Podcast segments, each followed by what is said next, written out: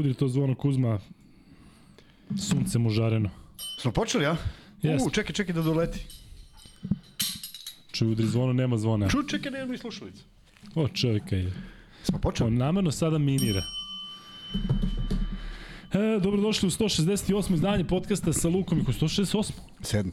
Sedmo, a? Ne, ne, ne može bude, nešto mi, čini mi se da sam mnogo puta rekao ovo 168. Je li osmo, a? Osmo, očigledno. E, Šta si ja napisao ovde? Sedmo.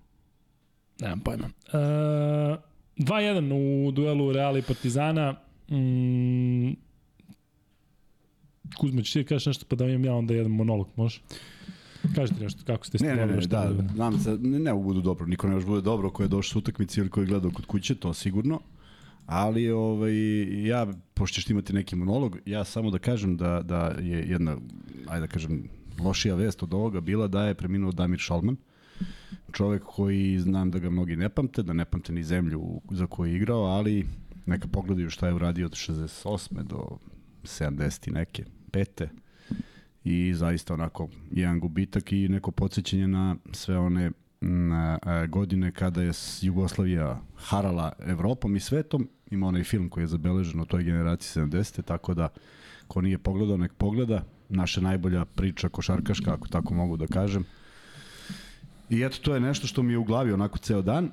Nisam naravno ni ja uspeo da ga gledam, pamtim ga samo kroz te priče i kroz neke snimke koji su se nekada dali na televiziji, pa ni toga sada više nema ali sad možemo pređemo na aktuelnosti ovaj, zato što je danas bio taj dan D. Dobro, nije dan D, dan D je kada posle Dan, toga dan nema... C, ono- ovo je bio dan C. Dan U, dan utorak. E, da, mislio sam o Šolmanu da pričam na kraju i o Švedu i o borcu, ima dosta onako, pričat ćemo naravno o NBA-u, ali gro ovog podcasta će, razume se, biti u vezi Partizana. Ja moram priznati da sam, e, prilično sam potrošio energije prateći utakmicu i baš onako za sve nas koji smo se toliko nadali pobedi. E, bilo baš pražnjenje veliko. Um, I moram reći da sam zaista ponosan uh, na Partizan u koji je u porazu bio dostojanstven, Partizan koji je bio na jednu loptu, na jedan šut od pobede i plasmana na Final Four. Ja sam sigurniji nego na 2-0 da će Partizan ići na F4. I moram reći da sam jako ponosan na to što nije bilo nikakvih problema u dvorani. Je li tako? Potpuno se Dakle, slažem. Od, Be- Be- Beograd, Partizan, navijači Partizana su pokazali da, da, da znaju kako se rade stvari. Iako je sada, čini mi se, ono što je uradio ljudi, sve što se desilo, u stvari Real je naplatio sada to. Dakle, Real je sada profitirao od produžio, toga. jeste, produžio. Prof, profitirao je već e, sa, sa kaznama. Profitirao je zato što, evo, videli smo koliko nedostaje Lesor. Ne zato što je, bi bilo tu ne znam koliko drugačije iz razloga što je Partizan igrao fenomenalnu košarku. Ovaj svih 40 minuta bez obzira na neke padove, to je bilo potpuno razumljivo, ali ovaj Tavares ne bi postigao toliko poena. Prosto ne bi, ne bi, neverovatan indeks 41 je imao. i Doćemo do je Tavaresa, bio, da. pričamo o svim igračima, ali Kuzma ono zaista ne deluje kao povređen čovjek. Dakle, onaj čovjek je, onaj čovjek Pa je delovao, znaš, on je na kraju bio iscrpljen u igru 36 Da, minuta, dakle ja ne 36 znam koje su to blokade. Bila je informacija, čak i možda neki snimci da on hramlje. Dakle, svaka čast. Ja moram reći da imam i respekt i prema njemu i prema ovom Williamsu Gosu, Da. zato što su u ovakvoj durani, oni, Tavares kad stane na liniju penala, on mrtav lada, nešto, je- ono, Apsolutno za respekt, zato što ja ne Sad. znam, ja ne znam njegov izliv e, besa prema Tako nekome, prema Tako bilo čemu. Prema, a on neko kad bi klepeo, mislim da bi... Apsolutno, ali nema nema nepoštovanja igre ni u jednom segmentu. jeste, Nigde nije jeste. on u nekom cirkusu, ne učestvuje ni u čemu. On ima pravo da se uhvati za glavu kad mu nekad neko svira faul. Ali to je sve što je on radio. Nikad nije pričao sa sudijama, nikad nije ovaj, gestikulirao, tako da svaka mu čast za jednu majestarnu partiju, svaka čast svim igračima Partizana koji su uspevali da ga odvoje od lopte, jer to je bilo toliko loptik na njega da je to ipak prosto neverovatno da je Real došao do toga i Ćus Mateo do ideje da to mora bude doslovce svaki drugi napad i da on igra 36 minuta. Vidjet ćemo kako će se to odraziti na njega, ali ajde pričat ćemo o svim igračima. Hoće. Nego je za mene utisak utakmice z- z- z- mislio sam da će, nadao sam se da će Partizan pobediti. Zaista je sve nekako nagoveštalo, ne zato što je krenuo sa 13-0, m, nego zato što u momentu kada to sve ide, ti shvatiš da je Real smanjio na 13-6 i shvatiš da je to samo 7 razlike, a savršena je igra Jeste. i znaš da to ne može da traje i da mora dođe do promena i mora dođe do zamora i tako da nisam očekivao da će ići 13 po 13, ali onog momenta kad je e, Real uhvatio priključak, e, Partizan jednog trenutka nije pao na ispod 4 ili 5 razlike, što znači da je stalno bila kontrola igre. I sad meni, koji uvek nađe neku, neku ovaj, Kerefeku. Jeste. Strašno mi smeta što su polaganje Avramovića, Egzuma. Sudije gledale. Tavares. Sudije gledale. I... Sudije gledale. i Nadao sam se, samo sam molio Boga da bude, ako izgubi Partizan, da izgubi tri više. Da, zato što je dva, Ako to su pobedi, dva ako koša. pobedi, pobedi. Ovo su ta dva koša. I sad pazi, daju onaj preview, ne još, oni nisu još tamo. Iz table. I ti vidiš da je on udario ne tablu, nego obruč. Da, da. I da ga je drvno sa suprotne strane. Da, ali, ali kadar iz table koji sudije nisu Kadar iz table, koji su oni zanemarili. Ej, o jedini kadar koji pokazuje. Tako. Uzeli su kadar iz Hale Pionir. Znaš ono, ne može dalje. I kao, vidi tamo koš. Iz ovog fotoreportera što leži tamo Pazi, iza suprotnog da, koša. i gledaju, i gledaju da li je on dirnu loptu, što de facto se nije desilo. Tako to niko nije ni sumnjao da se, da se desilo. I onda gledaju kao belog, drugog kao, evo kao čisto skida loptu. Pa sve je tu čisto, ali nije čist taj odbitak i eto to je dva poena. Stravično, stravično. Dakle, na kraju, sam, na kraju iskreno, pazi, a to je bilo, odluka za odlukom je bilo to i onaj faul Madara namerna. Gde oni gledaju samo taj snimak gde on ide na loptu. E, vidi, tu je sad taj problem. Što ja kritikujem svaki takav faul. Ja ne mislim da tu postoji namer. Ali ako oni žele da ostanu dosledni u tumačenju pravila, oni, on, ovaj prosto Madar je bio iza. Svaki kontakt, pa i ovakav, je po toj logici. Razumem, ali njegova ruka je u jednom trenutku fizički bila na lopti. Pritom oni ne gledaju tada kadar ispod koša, koji bi možda mogao da pokaže Ali više. baš i iza njega. Jeste, iza njega, razumem, ali to su znali i pre, nisi morao da gledaš. Ma, ono, ja, toliko ej, reči gledao ja se njega. zalažem za ukidanje toga. Običan faul i nikom ništa. I, a, Šta, a, jel ima razlike od ovoga? Gledaj, on je napravio taj faul koji je napravio i da ga gurne ovako u leđe. Šta bi, šta bi sudio da sudio? Isto. Da. Isto si dosudio da li mu uklizao s leđa ili ovo. Pa nema, nema logike nikakve. Tako da počinjem se nerviram. O, i Kad to, Kuzma počne da se Ne, nervira ne, na, ne. na, na odluke protiv Ne, Partizana što- i generalno to onda Ma znate ne mogu, da... ne mogu, ja ne, to ima nešto što je nepravda i pravda, razumeš? Tako da ovaj, ovde, ovde, ovde, žao mi je što su gledali taj snimak, da sam mogao negde, ču, žao mi je što klupa Partizana nije reagovala. Što nije reagovala, da, ne znam kako može se reaguje, ali što nisu pritiskali i rekli, jer oni vide šta se gleda. Kakav najudaljeniji kadar iz, iz, iz Neverovatno, Hubble, neverovatno. Hubble snima. Pritom se toliko očigledno vidi kada on udari obruč da se zatrese, Da se zatresu, sve, da tako čita, a ti tako ne je. možeš da vidiš sa onog suprotnog najdalje, ne možeš da vidiš. on najdalji ne, kadar. najdalji, pa to ti kažem, nema dalji. Ne, dalji ne postoji. Tako da mi je zbog toga žao, zato što je ovo bila jedna ovaj, uh, velika šansa da Partizan ovo završi i sad svi pričaju o super, ovi se vraćaju, to jest vraća se Lesor, vraća se i tamo taj dek koji oni su bili rupa na toj poziciji, Hezon je očigledno nije čovek koji to može nadomesti i koliko god će Partizan biti jači za Lesora, toliko su ovi preživeli. I to im sad daje jedan momentum gde to može da se okrene. da, jeste. I da, to je najveći problem. Ali ja kažem, ja sam opet sigurniji nego ikada da će Partizan proći dalje, zato što energija je falila večeras, energija koju donose Lesor i Panter. Sve što oni rade na terenu, čast ali nema, još jednog nema, bit će Lesor. Ali pazi, Smiley je odigrao fenomenalno. Jeste, ali je ostao bez snage. Ostao bez snage, ali on je bi odigrao toliko fenomenalno da je Lesor tu da je podelio minutažu. Jeste, da, ali- Dakle, ne, nikad ne treba posmatrati, e da je sad bio ovaj. To je potpuno nova utakmica za sebe. Govorim sad o njihovoj glavi, uprežili smo jednu, sad smo, sad smo se namontirali da, da, da, da, da odigramo i drugu.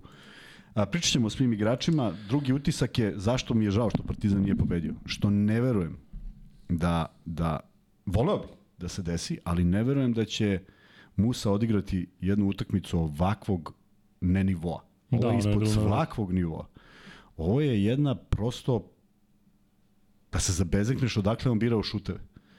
A onda još veći biser, NBA igrač, Hezonja, ostaje sa Tristanom Vukčevićem, za kojeg uzgled budi rečeno, pričali smo, dečko je odigrao majestralno sve što je odigrao. Jeste. Sve što je odigrao. I da nije Tristan Vukčević napravio na Gosu faul, ne bi bilo dva bacanja. Nego on nema taj kredibilitet, pa se sviralo. Ovaj, on trenira s njima, on zna sve to, on dobro radi i to je samo razlika Balša i Tristan. Balša nije bio u treningu, Tristan jeste, zna akcije, zna sve, kako je lagano dao onih dva poena. Uf, E, i sad na sve to, samo vraćam se na ovo, Hezonja ne obilazi Tristana, koji ne može bude najjača karika u odbrani, u krajnjem slučaju niži je, i šutne onu loptu na tablu. I onaj pogled, onaj, e, to se bojim da se neće desiti, jer će sad i da ga podignu dobro je, znaš, i tako dalje. Jer su već oni bili klonuli, i Hezonja i, i Musa. William Goss je napravio tu razliku. Williams Goss, kažem, zaista sa Jest, ono bacanje koje je pogodio na- i te dve trojke, ona oba iz I ova posljednja dakle, trojka je vrlo, vrlo liči. Pazi, ako mi je, ako mi je u Panterovom stilu da uradi taj step back u Gosovom mi nije baš da je on neko ko je to. Da je to to telo koje, vidio si i Naneliju koliko je onaj šut bio težak jer nema taj, Jeste. taj panterovski Da, niko stepek. nema to Pantera da odigra jedan na jedan i da šutne preko ruke, Nema, da se nema, naskoči na dva ili preko ruke za tri, ali kažem, to je falilo možda To Partizanu, zašto jest. to diže i publiku? Ma Lesor kako diže ne, publiku ma kako ne. bacanjem, Znam, ali vidi, sve, ne. vidi u jednom, u jednom neverovatnom momentu, kada jedino što ne sme to je da prime trojku ovi igrači Real. Tako jednostavan kad je kad je šutnuo, kad je šutnuo Naneli. To je to je šteta što ta lopta nije ušla. Oni su ostali, oni su ostali u pro problemu na najbanalniji pick and roll. Ali je maestralno dao onu iz desnog driblinga kad je lepo naskočio. Sve je delovalo da, 77, sve je 75. delovalo da Partizan ima tu i još malo, ajde da kažem, sreće zaslužili su je, zato što Uh, pričali smo ko će da iskoči. Madar je fenomenalnu utakmicu odigrao. Aleksa je pao i okinuo je šakom ponovo. Ja se bojim da mu opet nešto nije. Evo ovde sada se nagađa šta i kako on do tog trenutka opet nije bio, nije bio sav svoj. Nije bio sad svoj, ali tog momenta, pazi, on pada sa tom rampom, pada na tu ruku, na levu ruku i odmah se uhvatio. Uh, on sledeći napad šutira levi floter koji ne ide, šutira trojku koja ne ide. Dakle, to nešto boli. Vraća se utakmicu sa, sa zavojem. Katastrofa jer je leva ruka, ako sam ja dobro ukapirao. Da, ali ja mislim da on, on imao na desnoj ruci. Ne, ne, ka, da katastrofa što ga, ne, ne, ne, sla, ne, ne, ne govorim ti o obnavljanju povreda, Da, da. nego o samom padu, a Jasno, šuterska je ruka. Tako da, baš bez veze, jer je baš ovaj loš moment. Ledej, Ledej izvuku utakmicu onom neviđenom trojkom, sada Jeste. uneo ponovo ovaj, sve, sve u, u, u samoj završnici u neizvestnost. Znatno, kad je lopta pogodila obruč, moram priznati da kada je delovalo da će doći do nekog igrača Partizana, meni odmah Kecmanova ona Da, da, trojka, da, da, da, dakle, će da je da, frkne. to, da, je- da, je- da, je, da je happy end neki i naneli, ne znam, nisam video ponovni snimak, ne znam da li ga je bilo, da li je bio faul ili nije bio faul. Nisu dali ponovljen snimak, uopšte ga nismo videli. Pa dobro, ali to je već kraj utakmice, znaš, spremaju se izjave, pa ipak imaš više kadrova, to je već nije, znaš, nije toliko bitan, bitan Pa snimak samo, već samo da samo da se vidimo, vrati. či ne, čisto da vidimo šta je bilo, ne bi ne, ne, šta da se ali, vrati. ali generalno ovaj, nekako je visilo u vazduhu da bi Partizan mogao na neki bajkovit način da završi ovu seriju. I ja kažem, ja sam i dalje siguran da će proći dalje. I ono što sam razmišljao kad sam dolazio, eh, iz celog ovog eh, idiotizma sa Realom što se desilo, dakle ona tuča, Partizan jedini meč, ne daj Bože da dođe do pete utakmice, ali jedini meč gde Partizan ima eh, da je profitirao od toga, to je peta utakmica. Zato što je tad Real bez Jabusela, Partizan je kompletan. Dakle, Jeste, jedino tada, tad, da. znaš, ovde, ovde je sada ovo, je trenutno velika- 2-2, pa se ovo po jedan vraća, ali ovde se Partizanu vraća i Panter. Ja mislim da će Lesor i Panter igrati nikada bolje, zato što jednostavno ne mogu da zamislim njima dvojici Ma kako neću, drugo neću, pored ja, ja još imam, ima još fore do pete utakmice. To Ne, ne, ne mislim, ja da se- govorim, govorim da će Panter kada se vrati, on će se vratiti ili u petu ili na Final Fouru, ali ja mislim da će on sve ovo da naplati. Dakle, da on sada M, M skuplja malo snagu, M taj neki inat kod njega radi. Dakle, ja znam, znamo svi koliko je prošao neke turbulencije ove sezone, jednostavno izašao ovaj, onako spremniji nego ikada, mentalno. Ali za Lesora, Lesor, znaš, bilo je dosta pričat ćemo igračima, pričat ćemo detaljima, ali čini mi se da su mnogo pokupili lopti u napadu igrači e, Reala kako da i da se ne bi jednostavno ovaj, e, da bi potpuno drugačije izgledala situacija u Rekitu. Tako da eto, to su neke da kažemo onako opšte stvari, E, pričat ćemo i o svakom e, igraču, tako da generalno moram priznati da, da sam zaista zadovoljan što, što nije bilo nekih incidenata, zato što je jednostavno bila takva atmosfera i tenzija i videli ste kako su igrači Reala otvorili utakmicu, ponadao sam se da bi mogla da traje ta njihova ta njihov post što se tiče koša iz igre još duže, videli ste baca ljudi loptu out, dakle bacaju loptu preko, ono, ono je bilo baš, ovo- su, da, da, da, da. I onda kada je krenulo, ovaj, onda su malo po malo jednostavno počeli da kontrolišu utakmicu. To je baš uticalo na atmosferu u dvorani. Evo vi koji ste bili, e, znam da vas ovde ima sigurno, e, mislim da ste i vi osetili kako je padao, padao, padala energija sa tribina jednostavno tokom meča. Možda su se i navijači izduvali zašto su došli Pa svi su izduvali zašto je strepnja da ti, znaš, e, st- strepeli su svi da ne dođe do ovakve završnice. Meni je s još jedne strane potpuno digresija, ali s još jedne strane mi je ovaj e, krivo što je Real što je Real pobedio. Znaš zašto? Zašto? 3,4 sekunde do kraja. Evo sad, tu imamo gledalce, nek neko odgovori na pitanje. Zašto loptu izvodi Ćus Teo na polovini Partizana? Ima neki poseban razlog? Ne, pa je on možda bira ili ako On traži taj maut mora ovamo? Ja mislim da bira. On bira odakle će. Da. Slušaj dalje. Onako izveden auto. Žao mi je što nisu izgubili. Ovo, kraljevski klub, Final Four, ovo da šutneš i da pogodiš obruč, pa to ne postoji, sad da gledamo neku ligu ovde, neku decu, neće izvesti tako. Možda ima smisla to da je ispod svog koša izgubljena lopta ti daje šansu da ovaj da zicer ili da nešto. Ovde si opet Ali imaš- daleko od koša. Tako je, ali trojica su na, tvo, na njihovoj polovini. Da. I ovdje imaš dva igrača koje treba neko da stigne, a ti znaš da se sve apsolutno svira. Ako pobegneš jedan korak više, nema faula, faula koji nije namer. Neverovatne stvari i zato mi je žao. Inače, sve ovo jedna opšta konfuzija na, na, na klupi Reala i zato mi je žao što su pobedili. Ništa ovde nije bilo od igre. Oni su dobili na suvi kvalitet William Gosa i, i Tavaresa koji verovatno da je moglo da se igra 58 minuta, on bi igrao toliko. Nema alternative i žao mi je što Partizan izgubio jer ponovo moraju da uđu u ceo ovaj stres. Uh, divno je što će biti još jedan spektakl u areni, ali će on biti na elektrisani, jer ovo sad, sad ako su ovo pregurali bez incidenata, bez ičega, sad je opet ova nova, nova runda mogućnosti za neki za neku takvu reakciju. Pojačan i dekom, Partizan pojačan Lesorom, svakako dobra vest, ali šteta što su izgubili u jednu ovako dobru utakmicu, blizu, I, I eto, ta dva poena da su samo poništena, možda bi bilo produžetaka i ko zna čega sve. Nevjerojatno zaista kako je za Partizan sve krenulo izbrdo u smislu um, svega nakon te tuče protiv e, Reala. Dobro je što je Exum tu, sigurno da on nije na 100%, ali eto i Aleksa se povredio. Ne igra Panter, ne igra Lesor. Svaka čast ovim momcima koji su, koji su večeras izneli, pričat ćemo igračima, ali Balša je ušao, bio nesiguran, kako i ne bi bio nesiguran, ali Tristan je meni, doćemo i do njega, on je bio meni toliko spreman, dakle nije dobio loptu da šutne za 3 poena pre onog šuta što, što nažalost nije ušla, ali on je neko u desnom ćošku u jednom trenutku čekao, čekao, čekao i nikomu ni dao loptu, a bukvalno je tražio što nisam video. Video sam neodlučnost kod, kod dosta igrača Partizana, neko njega, posebno nakon što je pogodio prvi koš bez koske, onako mekano, Ko? ovaj Tristan. Mm -hmm. Dakle neko se videlo traži loptu, ne, traži. Ne, uzeo onaj šut, uzeo da. onaj šut lepo i Tako je. Ali pre toga je on bio spreman, onako u ćošku čekao Jeste, loptu, to su njegove loptu, pozicije. Da Ovaj, žao mi je što, što nije šutno i ranije, ali ovaj, ono što hoću da kažem takođe jeste da e, vi svi koji ste gledali prenos do kraja, videli ste izjavu Željka Bradovića, koji niste možete da vratite ako imate tu mogućnost, ali njegova smirnost i njegov osmeh e, meni uliva dodatno samopouzdanje. Dakle, Uh, on zna da su igrači dali svoj maksimum, ja ne znam da li može da im zameri nešto. Bilo je nekih sitnih stvari, bilo je recimo grešaka, pa je bilo, ček, ček i mislim da selekcija faulova nije bila kao na pre, u prethodnim mečima, Partizan u posljednju četvrtini dugo bio na dva faula, a Tavares je imao nekoliko laganih poena posle pika. Tako da Partizan mislim da je mnogo bolje možda da iskalkuliše sa faulovima i, i u drugim četvrtinama, ali i u ovoj e, poslednjoj. Vidi, mislim da su jako dobro ovaj, opet odigrali odbranu ima tu naravno nekih propusta, ali generalno govorimo o celom toku utakmice su jako dobro zatvorili Tavares. Ne zaboravite da su mnoge lopte završile u rukama igrača Partizana. Šta je stalo? Stalo je onaj moment kada oni stavljaju tu neku kvazi zonu gde usporavaju Partizanov napad. I umesto da ide stalno jedna ista akcija, kao na primjer ona iz koje Andjušić pogađa tri, ti, on, Andjušić iz nekog razloga, posle one trojke iz Ćoška, on ode gore da igra pik bezrazložno, samo radiš isto, samo radi, ja. pa napravit će se pozicija da budeš sam. Ono je više bilo neka, neko foliranje odbrane, jer znaju da Exum nije igrač koji će sad se zaleti na nula stepeni i da opali trojku.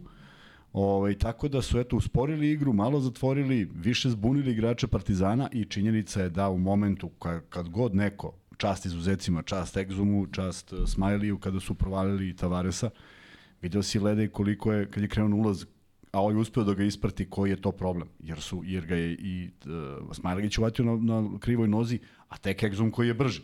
I onda on to ne može da stigne. Lede je izvuko na, faulu napadu, u, faulu u odbrani u prvom poluvremenu, ali u tom drugom nekoliko promašaja koji su više bili proizvod onoga ajde da smislimo nešto nego organizovane igre i naravno da je to posledica umora. Međutim, e, van deset tih detalja koji mogu stvarno da se nabroje, uh, Partizan je odigrao i majestralno prvo polovreme, ubacili su 30, ja mislim, poena u prvoj četvrtini, ako 32. ne više, 32. To je strašno, to je, to je, to je zaista onako fascinantno s kojom tačnošću su igrali, ali tačno onog momenta kada ponestaje snage, ponestaje i koncentracije, to je uzročno posledično, a onda moraš i neke izmere da praviš. Jel si onda... videla sad ta skraćena rotacija? Pa videla se, videla se nažalost. Jer pazi, sad tebi treba, sad je tebi treba Tristan da bude neki Smajlagić. I on je odradio dobar posao ako mene pitaš. Odličan je bio Madar koji uvek ulazio kao neki, kao neki backup. I ti opet možda navedeš da je 6-7 igrača odigralo, ali 6-7. A ovaj je ispak probao opet sve, pa nije išlo pa ih eliminiše, ali Ovaj mislim da je bilo naporno i za bilo je naporno i za Real, apsolutno. Naj naj najgluplji momenat na utakmici mi je bio Ljulj kada puca. Si vidio to? Neko je dao trojku, on kao puca. Ej, čovječ, 38 minuta sediš, pa kad bi ja seo iza klupe Partizana i kad neko da koša, ja, pa, pa, pa malo, malo onako bez veze, baš klinački, ali valjda dižu sami sebi neki moral i Da, Real je sada, Real je sada u ozbiljnom, da kažem, naletu zbog jedne utakmice, ali sada veruju, ja mislim da mnogo više veruju sebi. Pri, pri, kad bismo pogledali statistiku, Partizan je nadskakan. Partizan je u jednom trenutku, pogledaj, Partizan ima u jednom trenutku, kad bismo samo znali statistiku, da li možda imaš odštampano negde? Ako Ko ti ima statistiku, nek pošalje na Ajde, čitaj, Instagram. čitaj. A, Partizan je imao strahovit šut i onda ga je srozao za dva. To je neobjašnjivo. Šta ti treba? Skokove? Si Ne, skokove? ne, hteo? daj mi, daj mi kreni od dvojke. E, hoćeš celu statistiku da Pa prođeš? da, kreni dvojke. Partizan ima 18 od 37 za 2, dakle malo ispod 50%. Ej, a pazi, a sveti samo prve četvrtine, to je sve ušlo. Apsolutno sve. I to je šteta jer je pokvareno, pokvareno je zato što je Tavares bio taj koji ispod koša. I ono što sam još zaboravio da kažem, nesrećni trif, dve lopte, umesto samo da je vrati u, u, u koš, Baš on se vidi da je u istom onom ma- modu grča Neverovatno, kao što bila. Pa ne, ali to nije, on je mogao, on je samo mogao da je čače tako, ali da se ona Jeste. neslivki u koš, Ali to je mislim da, ga, da vuče još iz prvog poluvremena kada je promašio na jedan otvoren šut i kada je bio pokazao nesigurnost. Dakle, mislim da njegova Mislim da je on dao neki koš skok u napadu i dao. jeste Pa kada je je- ostao sam, da. da. ali je ostao sam na trojici u jednom trenutku, A, što je jeste, da, jednostavno da, malo da, da, i izašla je, klak, klak i izašla. Jeste. Ovaj, e, Real ima 21 od 33 za 2, naravno zahvaljujući Tavaresu ima Tavares, 11 tako od je, 14. Tako je. E, Real je imao za 3 8 od 28, Partizan je bio bolji sa s- 10 od 29. E, 14 od 18 pa- penali Partizana, 16 od 21 e, Reala. Mislim da je tih 16 od 21 Reala sasvim solidno za arenu i za ovakvu atmosferu. Dakle, da to nije toliko loše, u smislu Real. Nije loše da su promašili da su pogodili. Ne, ne, nego š, u, Da su dobri, 16 misliš, od 21 je korektno, da, da, da. zato što, znaš, da videla se nesigurnost. Tako je, na tako je, početku i tako tako je. dalje, da. Ali ovaj, šta, je, šta je tu sada? Gledaj, eh, Partizanove trojke, pa ako se ja dobro sećam, gro njih je bilo iz, iz dobro, dobro izrađenih pozicija. Ono što, što, će, što može da predstavlja razliku u četvrtom meču je činjenica da su Hezonja i ovaj, Musa šutnuli pet air bolova.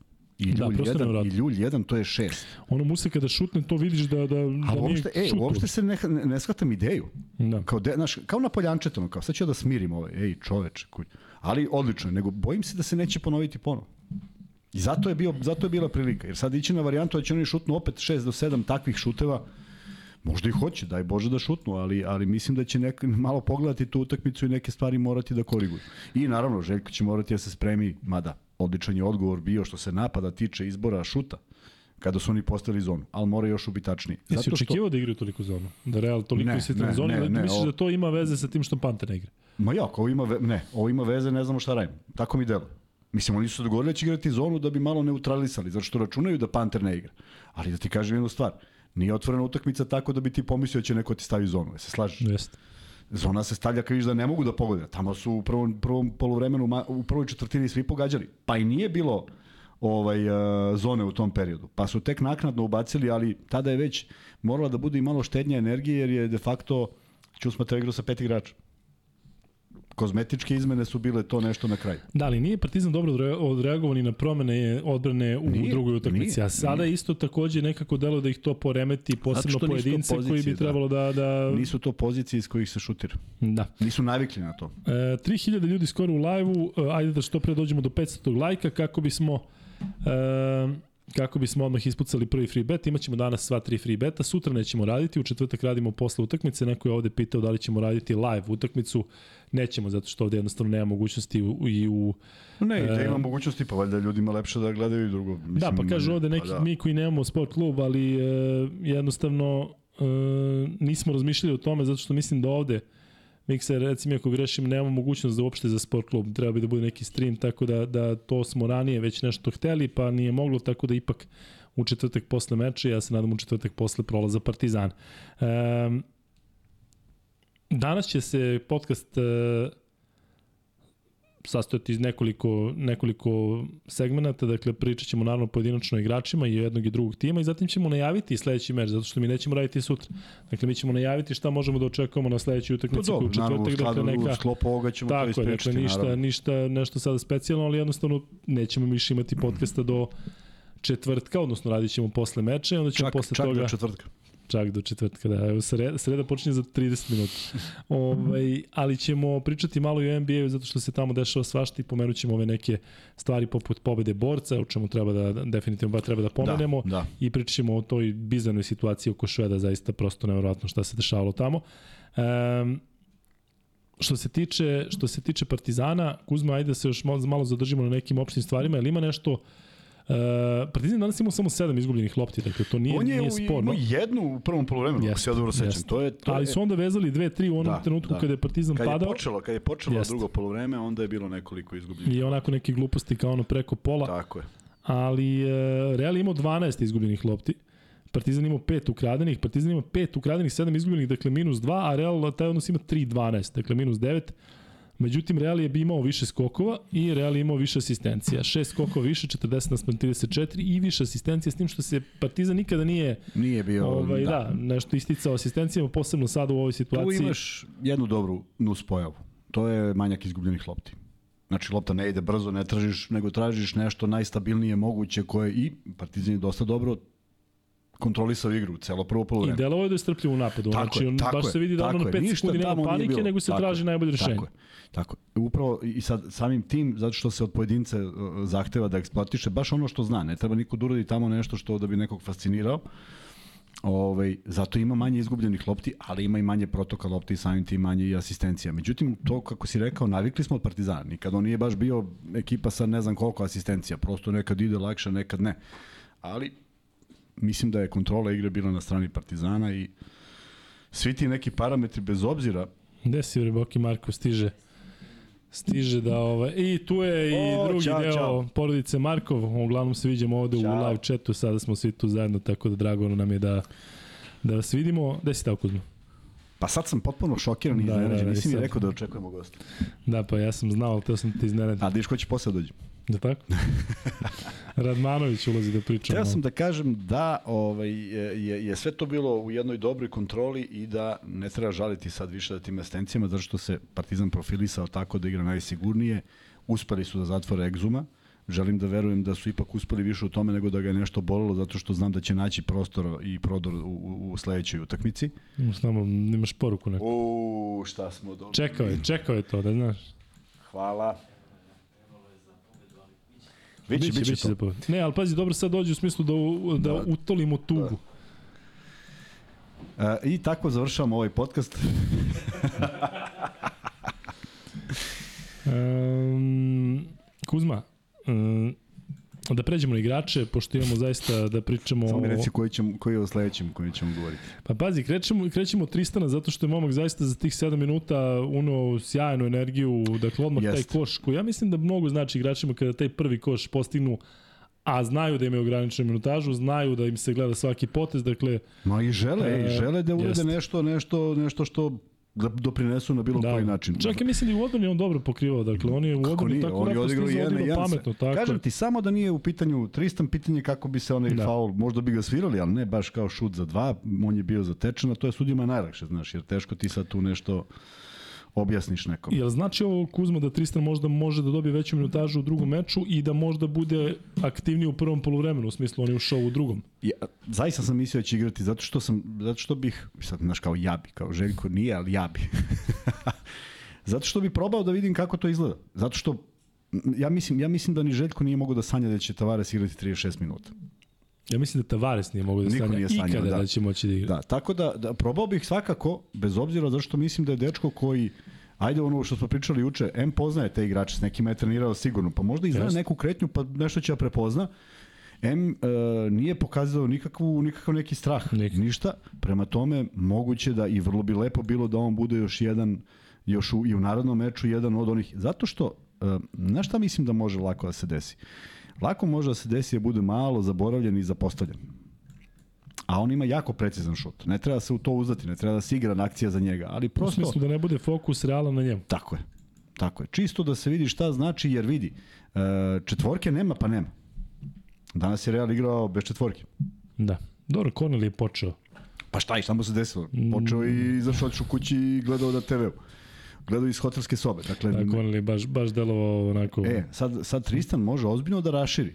Ozbiljno može Tako da raširi i da tu negde napravi problem. Ali ja verujem da će se skautirati utakmica, možda se ne skautira večeras, ali sutra ujutru. U stvari skautive se večeras uh, skautiraju, a sigurno, sutra, sigurno. Sutra će Željko da pogleda Da. da. šta su isekli, ali naravno bilo je tu nekih mana, međutim ne velikih, zato što držati Real u ovakvom jednom Ovaj, pa slobodno mogu da kažem da se nisu naigrali, ako ništa drugo. Ovo nije bila igra Reala koja je bila bolja. Ovde je Partizan zakazao u nekim tim sitnim elementima i ovi su imali malo sreće za, za eto te neke stvari, ali nisam impresioniran i, i volao bih da vidim istu energiju Partizana ako je to moguće u četvrtak. A ti delo da u četvrtak Real može bolje?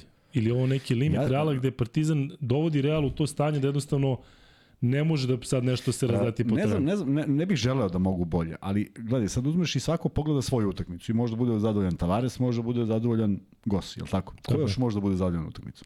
Iz Reala niko. A oni verovatno misle da mogu bolje. Bojim se da ne bude da, bolje. Pojedinci. Pa, individualno. Individualno, da. Pogledaš da. šta si uradio i kažeš čekaj, ili moguće da se da, šutno ovako, pa sad neću. I da tu nađu neki, neki, ovaj, neki, neku hranu za tu utakmicu da bi pred svojim ljudima pokazali da su bolji. Nema šanse Real da bude zadovoljan. Ni stručni štab, ni svi oni iz uprave što su gledali ovom, ovim izdanjem Reala. Mislim, prošao je, pobedio je slabiji tim, realno večeras, ne mislim da su u bilo kom segmentu bili bolji. Misliš samo na utakmici ili slabiji tim generalno? Slabiji tim kako mi na utakmici, na utakmici da, ovo što su zato što, pokazali. Zato što, što i ovo što je pokazao Real kroz celu seriju, Real je zaista iza Partizana. Da, da, da, da, da, bi, zaista kažem, izgubio je, po, pobedio je tim koji je lošiji, ali koji pružio da. lošiju partiju.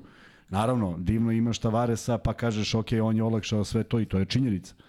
Bez uh, Williams Gosa i njegove ove trojke, koja nije neko njegovo oružje toliko uobičajeno da će on baš step back da šutne i to preko egzuma koji nije bio daleko Nije Egzum bio 2 metra od da. njega, nego poprilično blizu šuta. Stvarno treba ovaj, ovaj, sve česki za taj šut, ali mogla ona završnica. Ne možemo kažem da je mogla završiti drugačije. Ta trojka je promenila tok utakmice i ti znaš da je uvek volim da kažem da je neko zasluženo pobedio, ali ne mislim da je Real nešto pretarano zasluženo pobedio. I ovaj, i mislim da ne zaslužuju ni da prođu, a kamoli da se ne zaslužuju ni petu utakmicu, a kamoli da prođu. Tako da Nadam se da će u četvrtak to izgledati drugačije. Samo opet ista ovakva, ovakva atmosfera, isti ovaj pristup, ista ovakva energija e, i onda mislim da, da, da, da će to biti sve u redu. E, neko je ovde to napisao ja ću da se samo složim sa njim da je danas bilo dosta oni koji nikada ranije nisu možda bili na utakmici ili redko kada dolaze, da bi u četvrtak mogla malo da se izmeni situacija u korist Partizana, da dođu oni ipak pravi navijači mnogi od onih koji su ostali bez karata. Pitao da Nenad Krstić i donira i kaže Luka, se zna nešto oko karata za četvrti meč?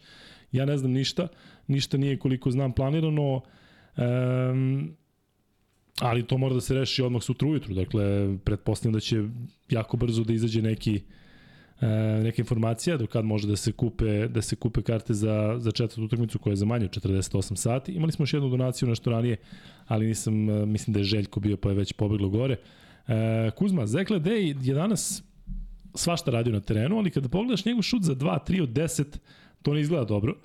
E, 15 pojena je dao, 2 od 4 za 3, 3 od 4 sa penala, ima 8 skokova, dve asistencije, ukradeno i nije imao ni jednu izgubljenu, indeks 21 koji je najveći, 3 od 10 za 2. Ja ne mogu to da se setim. Pa bilo je neki šuteva na isteku napada, Jest, nešto da. gde on mora da improvizuje. Da, nije, nije mi ostalo u sećanju, da. što je, to je loš procenat, ali kako mi nije ostalo u sećanju, a on dao 15 pojena, kompenzovao je on na svaki da. mogući način, nego je šteta što su one momente koji su bili, nema sad u drugom polovremenu baš koji nije bio bitan. koji koš nije bio bitan. Da. Znaš da je promašio ono kada je prebacio ceo obruč, pa Jest. makar da je liznulo obruč, pa nešto da se desi. Tu je bilo zato što uh, to su neke stvari Tavares ako, ako te drži u kontroli, jako je teško dati koš preko njega. Videli smo neke blokade kojima je uspeo da zaustavi nekoliko puta, nekoliko puta je zakasnio, nekoliko puta je on bio pročitan, pa lagano je poentirano pored njega, ali ne može to stalno, iako je on bio onako na ivici snaga, tako da ovaj, mislim da su bili smisleni i dobri napadi na njega, mislim da je dobro izlačen, mislim da je ona jednostavna trojka koju je nanali šutnu, koja nije završila u košu, bila uh, jedna od najprostijih mogućih akcija, pa su se oni uspavali, što je dovoljno govori o tome kako, kako razmišljaju. Partizan takve propuste nije imao, nije, nije bilo ispadanje iz odbrane, jeste na Tavaresu, jer je sav fokus bio tu, ali mislim da je spoljna linija poprilično dobro odradila svoj posao i sve one šuteve koje će Musa i Hezonj uzimati sa 8 metara, neka uzimaju i u četvrtak. Da li će, ja mislim da će u nekom trenutku nešto da pogodi, posebno Hezonj. Sa 8, sa 8 nek šutiraju, pa neka pogodi, ali mislim da neće. Um, Sa Evo. te daljine na taj način, nonšalantno, nema šanse. Javljaju ovde da je sutra od 10 ne? prodaje karata Aha. i da će biti red verovatno ranije. Luka u 10.30, neko kaže u 10, neko u 10.30, samo na blagini na INA kupovina, vidim da ovde svi javljate da je na INA. E, dobro, e, što se tiče Ladeja, mislim da je on danas radio svoje, međutim jednostavno ne znam koliko je on u stanju da nadoknadi nešto što radi Lesor, u smislu može na momente, ali jednostavno nije to taj tip igrača, tako da jednostavno falio Lesor definitivno u oba reketa. E, Aleks Avramović 10,5 minuta, rekli smo da se povredio, ostaje bez koša 0-2 za 2, 0-1 za 3, jedan skok, jedna asistencija, jedna ukradena i dve izgubljene, dakle Aleksa i do te povrede nije bio na nekom nivou. I eto da se nadamo samo da je, tako Kuzma, jedino što možemo da pričamo trenutno da se nadamo da je ta ruka ok i da će biti spreman. Samo da je ok, zato što je on bio vidno nervozan odmah od, od momenta, napravio je grimasu, uhvatio se za ruku, posle imao bandaž, posle ga je bez, besno skinuo, samo da nije nešto osim ugrovane šake, ali, znaš, to je za jedan dan, nije čak ni za dva, mislim, sad se završila utakmica srede. Jel tako? Imaju da. jako malo vremena da se to konsoliduje i da se sve uradi, ali će naravno medicinski klub, tim uraditi sve što treba. Svaki igrač je bitan, svaki taj doprinos i zaista je to davalo jednu dobru energiju, čak i u onim momentima kad je Real otišao na tih 4-5 razlike, nijednog trenutka nije izgubljena glava, nije izgubljen fokus, stalno se vraćao Partizan, da, primili su neke trojke za trojku za trojku, pa je to ovaj pravilo problem naravno zameriti sada zašto je Partizan u toj završnici ostao sa dva faula viška. Možda su mogli da budu napravljeni u nekom ranijem momentu, ali eto vidiš, u toj završnici bi bilo, je mogu, bilo moguće napraviti makar dva faula i to su uradili na, na najbolji mogući način, prema tome ovaj, male, zaista su nijanse bile večeras i uh, znaš, kad malo vratiš film šta je, šta je moglo da završi u košu, a nije ovaj, eto, to, to je taj jedan šut. Hvala Nenade još jednom na donaciji. E, što se tiče Balše Koprivice, nemamo šta da komentarišemo taj njegov minut, dakle kada je u, se no. pojavio tamo, ovaj, mislim da nas je sve iznenadilo to u završnici prve četvrtine. Ja sam očekivao možda Tristana više kao tu neku backup opciju, ali eto, odradio je minut, videli ste da je na, u završnici te četvrtine primio loptu, da je bio, baš se video, ne, video si da je nesiguran, kada je primio tu loptu u završnici četvrtine 3-4 sekunde, on umesto da diže gore u svakom slučaju on na sekund je baca na vidi, vidi, 3 da, poena. slažem se, ali on se okrenuo oko svoje jače Jest, noge i krenuo da. pol, i kad je video gromadu, a to je samo osjećaj uh, nedostatka minuta, nedostatka krajnjem slučaju protiv Tavaresa svi koji prime loptu pa ni ledej. Ne, ali prvi put nema tu nedostatka, to kad vidiš Tavaresa verovatno pa, nemaš koga na treningu da te vidiš pa, da je toliko. Ne možeš da vidiš da, upravo to, pogled ledej koji je iskusniji pa Jest. kad je da ima loptu pored, pored njega uvek napravi nešto da bi da bi se malo oslobodio. Tako da ne treba mu zameriti. Ti uključen taj laptop? Jest. Da se ne isključi, nije uključen dole. Nije, a? a sad ću ja. Ti priči. Evo, sad ću ja. Sve, sve radi da mi da mi oteža posao, neverovatno. Sad kao sad ću ja, on ga isključio nogom. Znači malo pre sam čuo da se nešto dešava tu. Ali ovaj e, si dobar. Mm, dobro. E, MR11 kaže za pozdrav, pozdrav od Grobara iz Čikaga, vidimo se u Kaunasu, vidimo se tamo sigurno. Samo da vidimo ovaj, kojim putem ide Partizan do tamo, ja se nadam da je već priča završena u četvrtak. E, dalje idemo sa igračima i stižemo do Alena Smajlagića koji je danas zaista pokidao, bio najefikasniji igrač Partizana e, zajedno sa Ledem. Obojice su dali 15 poena, ali e, Lede imao 3 od 10 za 2, Smajli imao 3 od 3 za 2.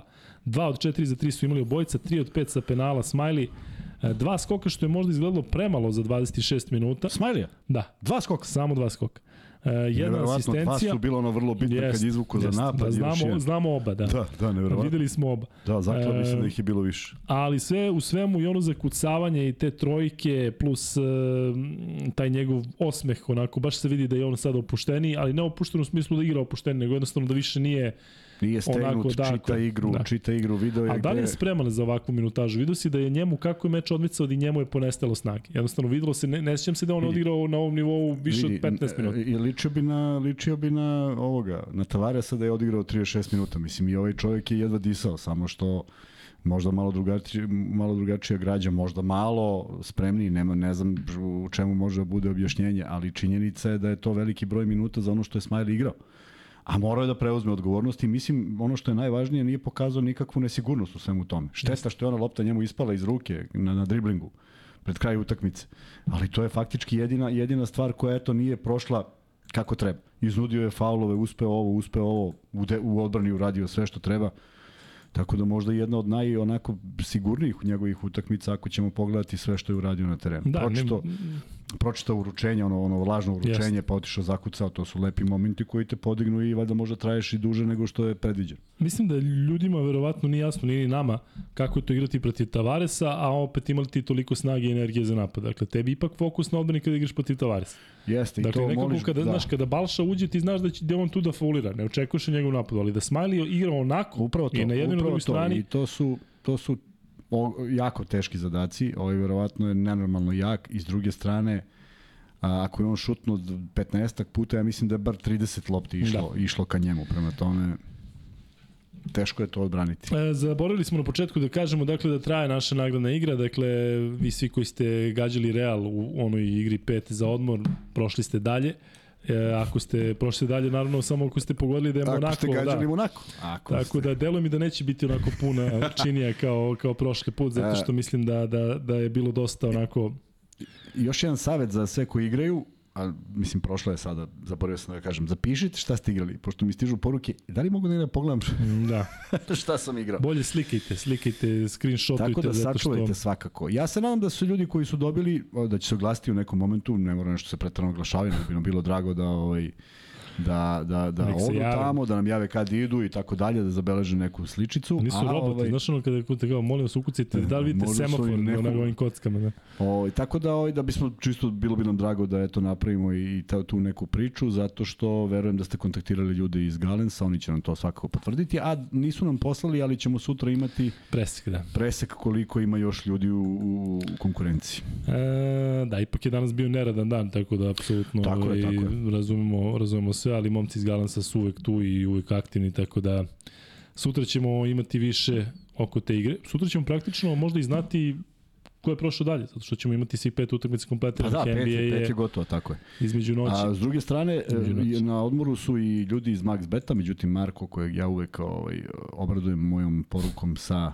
dobitnicima free beta, reaguje uvek brzo ovaj, on odmah to prosledi. Tako da svi koji se zainteresuju zašto nema, to je samo razlog zato što ja, na primjer, ne stignem da pošaljem tog dana, jer ako je radni dan, ovaj, ne može sve da se stigne i onda pošaljem dan kasnije, kad se skupi možda više dobitnika, ali prosto i jedni i drugi, a naročito Max Bet ko, koji je s nama i Hahaj, i, i bez kojeg mi ne bismo bili u ovoj poziciji u kojoj jesmo, ovaj, vrlo brzo reaguje i ne štedi te free ne, betove. Kad, Imali smo i... Sa kim sarađujemo? Max Bet, Carevi, Galens da, Carevi, da, da, da. Uh, sad s Miksom, Miksa koji ušao u ritam. No, Miksa onako, Miksa onako. Miksa to je može to još bolje, da. Ali ovaj, Miksa zaista koji ne spava. Miksa trenira, radi podcaste i, ne spava. i, i trenira. To mu je hrana. To da, mu je tako hrana da, i tako ovaj, zaista smo što bi rekli amerikanci blagosloveni. Ja ću samo pozdravim ovaj, Sve koji me znaju. Lazara Jovančevića, dobio sam sliku sa utakmice Zvezda Efes, to je sin Borka Jovančevića koji je sad poslao i kaže da, je, ovaj, da smo se slikali pa je poslao i kaže veliki pozdrav za Luku, najobjektivnijeg navijača našeg najvećeg rivala. Eto tako Luka da znaš kako Borko priča o tebi, a vidi ga Lazar kako je sladak. Fenomenal. Eto. Ali Kuzma uvijek mora da prebaci na Zvezdu. Partizan, Real, pre pola sata savršeno i sad pazi odjednom Zvezda Efes. Pazi, Zvezda Efes. Te, te ne znaš godine kad, kad su igrali Zvezda Efes. Slušaj šta je bilo. Već ti ispričam jednu najneverovatniju, najneverovatniju priču koju, e, ne, nećeš verovati šta se desilo. Ozbiljan je da znate da je ozbiljan Kuzma, uopšte se ne šali. E, idemo dalje, dakle, Smiley, da ga pohvalimo još jednom, da se nadamo da će sa istom energijom da u tandemu sa Lesorom igra u četvrtak. Tako uzma, se ne menja nešto kod Smajlagića sa Lesorom a, koji se vraća. Manja će biti minutaža verovatno nego danas. Imaće, da kažemo, manje, uh, manje mislim, obaveza. Mislim da će biti dobro za Partizan ako njih dvojica budu, jer uh, onda mogu trojica da ko, da, da rotiraju i ledaj. Veliki je problem da su Smajli, ja ne znam ko njega uopšte može da čuva ako on igra dole. Znači, e, naravno, Partizan je svesno izvlačio Tavaresa iz reketa. Problem je što je on preogroman, pa i stigne na tu neku rotaciju. Ali ovaj, uh, uh, Smiley sa svojim širenjem ili sa izlaskom, ako, ako, čuva neko, ako on čuva Lesora, neće Tavares izaći toliko daleko. Ali u igri 1 na 1 ne znam ko može da mu parira od sadašnjih igrača koji su igrali. Randolph ništa nije pokazao. Uh, Hezon je igrao na poziciji 4. Ko još? Biće problem što je Dek tu i koji uopšte nije loš na toj poziciji, ali ajde da vidimo. Mislim da mislim da će naravno Partizan biti mnogo jači nego danas, ali to opet ne znači ništa, potrebna je i energija i fokus i još jedna dobra utakmica. Kažemo da nije bio Makabi Monako u ponudi, tako? Hm? Otkud ja znam ti si dao. Pa ti si glavni pet za odmor. Da, vjerojatno nije. E, e, Kuzma, stižemo do Papa Petrova koji moram priznati da je mene razočarao. Evo pita baš ovde... E, Pita Lazar Vuković da li možemo da prokomentarišemo njega. Ja sam iskreno razočan. Dakle, jednostavno čekamo ga, čekamo ga, čekamo i onda znaš da će Andjušić da igra i znaš da će da šutne trojke. On je pogodio 2 od 6. Ali za Papa Petru je trebalo danas da se otvori više prostora, međutim, eto, njegovih 22 minuta, 4 poena, 0-2 za 2, 1 od 2 za 3. 4 poena, 1-2 sa penali, tu je pokazao nesigurnost. E, ali znaš Dva šta mi je, skoka, dve asistencije, čak i u odbrani to izgledalo ok, ali nije sad nešto da padaš u ne, nesvest. znaš koja mi je najveća misterija? On daje trojku, vrlo bitnu trojku, ako postoji neka koja nije bitna u tom periodu, sve su bile, svi šutevi su bili. I onda napravi neviđenu grešku. Sećaš posle drugog šuta? Kad sledeći njegov šut? Sledeći njegov šut. Umesto da digne, on napravi korak prema Tavaresu. Ni prema kome drugom, nego Da, prema da, da, Tavaresu. pričamo, Kako da. praviš korak prema Tavaresu? Pa bolje šutneš iz te pozicije Jeste. u kojoj si, ako ništa drugo, neko će skinu loptu. Da, nema nikakve logike, da. Ispao je jednom Sam je prišao, da, sam je prišao, sam je prišao korak. Ko, video si šta stiže ovaj. On je stigao Ledeja koji je koji sa izbacuje vrlo brzo sa kao praćku, pa je stigao. Prema tome moglo je nešto pametnije se uradi u tom periodu. Prići Tavaresu je kao da priđeš ono, ne znam, Ne znam, ja nisam terorističkom imao, napadu. Ja nisam ono, imao Valjda prilike bežiš da, od njega po svaku cenu, a ne da, da, da mu prilaziš. Ali dobro, nećemo da se zadržamo na Papa Petru, zato što nemamo šta da kažemo, da smo hteli um, više, da smo želi više, jesmo i da se nadamo da će biti bolje. Stižemo do Exuma koji igra 26,5 minuta. Dao 11 pojena, imao 4 od 6 za 2, 0 od 2 za 3, 3 od 3 sa penala, jedan skok, jedna asistencija, jedna izgubljena. Kuzma, da nisi znao da si bio u komi, da si se probudio danas u 8, jel ti delovao Exum da je možda, uh, da ima neke probleme i da je povređen? Ne. Meni u jednom trenutku kada je nešto naskočio, kada je možda se okretao oko te noge, neko mi je delovalo možda malo gubi balans, ali ono zaista za ovih 26,5 minuta njegov prodor, ono kada je... Ništa. Na, je tako? Mislim da je, mislim da je... To je mislim da je jako bitno za Partizan generalno, dakle... Prvo se nadam da nema bolak, samo po, sebi da ne bi morao prima blokadu. Na to sam, na to sam i blokadu- mislio, da, da li ti je delovalo da on možda nije fokusiran ili da nešto. Dakle, on je danas mislim, bio sve Mislim, okej. ako, ako to može da se izdrži i sa bolom, bolje je igrati tako, nego s blokadom. Ipak blokada malo ovaj, neutrališe tu, tu neki osjećaj. Kakve li je blokade Tavares primio u, u, u Ne čelo znam, evo neko, neko komentariše i vrlo je primetio, ovaj, u jednom momentu se odbija, nešto je bilo kao da li će biti mrtva lopta, on neće da skače. Dakle, nije on baš bio sasvim svoj, jer mnoge lopte su tu ispadale, da zakucavao je majestralno, ali samo da, da konstatujemo, zakucavanje koje on uradi skoči do slovce 4,5 cm, ne mora više, tako da izbegavao te neke pune skokove, moguće da i njega boli, ko zna šta su mu dali i, i kako se on osjeća, ali izdržao je muške i celu utakmicu, nisam vidio da hramlje, a kažem ti kod Egzuma nisam primetio da mu, da mu nešto fali. E, ili imaš nešto da kažeš za Exuma? Dakle, možda smo danas očekivali ako je zdrav i više od njega u smislu da, da ipak nema Pantera pa se otvara tu spoljna linija, on tu ima ali- najveću slobodu. Ali, da, sve to stoji, ali Legzum On je imao 0-2 za 3, uh, Madar je imao 0-3 za 3, dakle njih dvojica zajedno 0-5, dakle Pa to, to, to, to, to onda zakoči, ali vidi, Jeste. oni su stali u neki levak gde on čak nema ni, direkt, ni dobar pas. E, nema te povratne lopte, malo su se zbunili tom odbranom i onda nema onih prodora, a igrali su levak tako da ako prođe, prolazi kroz sredinu i video si par puta je uspio i lepo da prođe, ali par puta je naleteo na, na probleme gde je iz nekog skoka tražio rešenje. Skupljali su pa su širili na, na, na svoje igrače, tako da nije to baš bilo toliko efektno, od toga treba da se čuva inače, ali ovo je sad neka nada koju Real ima da će on tako tom kvazi nekom zonom čudnom da, da malo neutrališe Partizanov napad. Naravno, fali jedan takav koš getter koji će uzeti da strovali u tom momentu 2-3 i da se ta zona raspadne, ali ja sam mislio da će Andjušić posle one u ćošku Da. u drugom polovremenu biti Jeste, taj, međutim, međutim Nije dobio ni šansu, ni brzo izašao. Da, ali, ali ono se ne radi. Ono smo se uverili milion puta da ti kad misliš da će da bude da sudija svira faul i baciš ono, Jeste. ne radiš jer to Ali se ne prošlo dešava. mu je, protiv Monaka mu je prošlo, još nekim Ma, mečima mu je prošlo. Eto, dakle, pa je tako, prođe, pa ne prođe. Zato kažem, ne radi Jeste. se. Ne radi se nikad prođe, nikad ne jedini, ja prođe. mislim da je malo posle toga još neko probao isto tako da, da, da iz kontakta nešto uradi. Ne znam.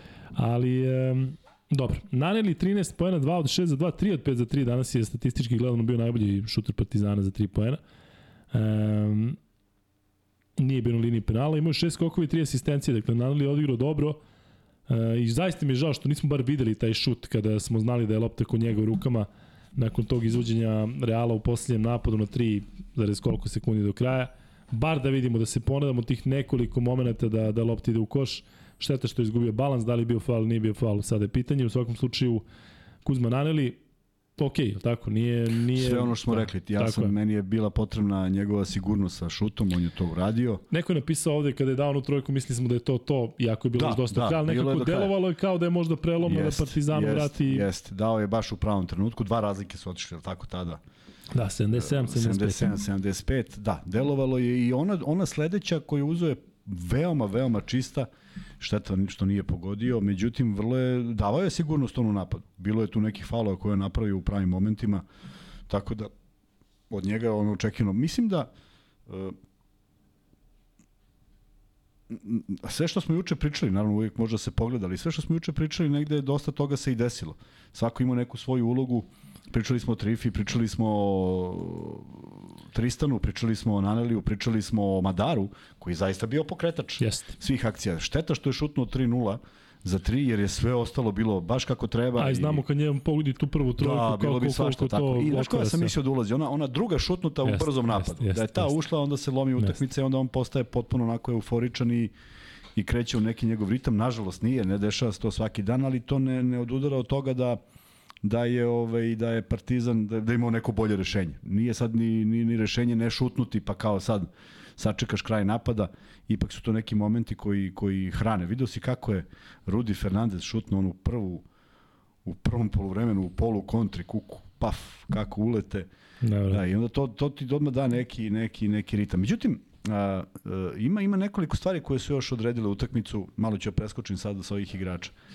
Jel da ne objašnjiva ona kontra kada Ćaćo Rodriguez samo treba položi loptu u Jeste, koš Pa se nešto vraća. Nešto. i on vrati Da. i onda ovaj vrati Hezon i onda Hezonja Jeste. airball. I ti se pitaš ko igra? O čemu se radi? Dakle, neke neverovatne su bili stvari. viđeni poene, ono je bilo 3 na 1 ili 4 Pa sad na 1. ti kažem, da. to se ne desi i nagradite neko Jeste. da pobediš. Ej, ne možeš gluplje. Od onoga teško da može gluplje. Od onih herbolova i uopšte sva... Ali to je ta nesigurnost koju oni nemaju i gde su osetili uh, nešto što smo možda na prapočetku ove priče mogli da kažemo, a to je fenomenalna partizanova odbrana na početku utakmice. Znači oni su ih izbacili bukvalno iz, iz svih njihovih akcija su bili izbačeni. I znali smo da neće moći tako celu utakmicu, jednostavno Ne, da se znali tako smo ne igra. mogu da pogode sve celu utakmicu jer je krenulo nenormalno. Pa, Ali pa, ti pa, deluje da pa, pa, pa, intenzitet odbrane isto pao. Pa da, zašto dolazi do umora. Tako je. Ali vidi, Da, kažem, da, ali vidi, upravo to. Uh, Hezon je 1-0, ovaj Musa 4-0 airbolova, Ljulj 1-0. Nije to proizvod zato što je bila loša odbrana, tako? Naprotiv, Da. pa šutirajte odande, braćo, koliko god treba, ali to ne ide tako. Tako da, uh, uh, cela utakmica i prve dve utakmice i generalno sva ta neka snaga, uvek volim da napomenem, potiče od dobre odbrane. Pogledajte ponovo utakmicu, vidjet ćete koliko je bilo zatvorenih stvari, koliko nesigurnosti u akcijama Reala koji gubi 3 od 3. Ej, 3 napada, izgubiš 3 lopte. Neverovatno. Jeste. I, za, i, i, i pobediš. I kao sad ti kažeš, uf, eto, bolje. Od čega bolje? E, hvala Više srećni. ciničko, ciničnom e, skeptiku na donaciji koji ovako prilično onako sumnja u uh, Andjušića i kaže da ako je bila neka utakmica gde je trebalo za plista i Cinični opravdao ste- skeptik. očekivanja, to je ova. Da. Cinični E, skeptik. Da, E, nije dao. A i malo je dao. Cinični skeptik. razumem. Samo nemam snage da se smijem. razumeće, snage da skeptik će razumeti. Da. Ako ne razume, nemoj se ljutiš od... E, Danilo Andjušić 6 poena, trojka 2 od 6. E, Kuzma, smo očekivali više, zato što on do sad nije toliko malo igrao, pogodio je te dve trojke, obe iz ćoška, tu jednu što si sam rekao je nešto izimprovizovao i nije ispalo dobro. Bili su to manje više ok šutevi. Meni se čak činilo da je u nekim trenucima možda imao pravo da šutne, da je imao poziciju da šutne, da mu niko ne bi zamerio, ali da je onako ovaj, e, odustao, možda bez veze. Ali dobro, šta, je li to to od Andjušića ili smo očekivali više? Ja sam smo očekivali očekivao... 16 trojki. Ne, ali sam očekivao dve od onih. Koliko je šutno? 1-4.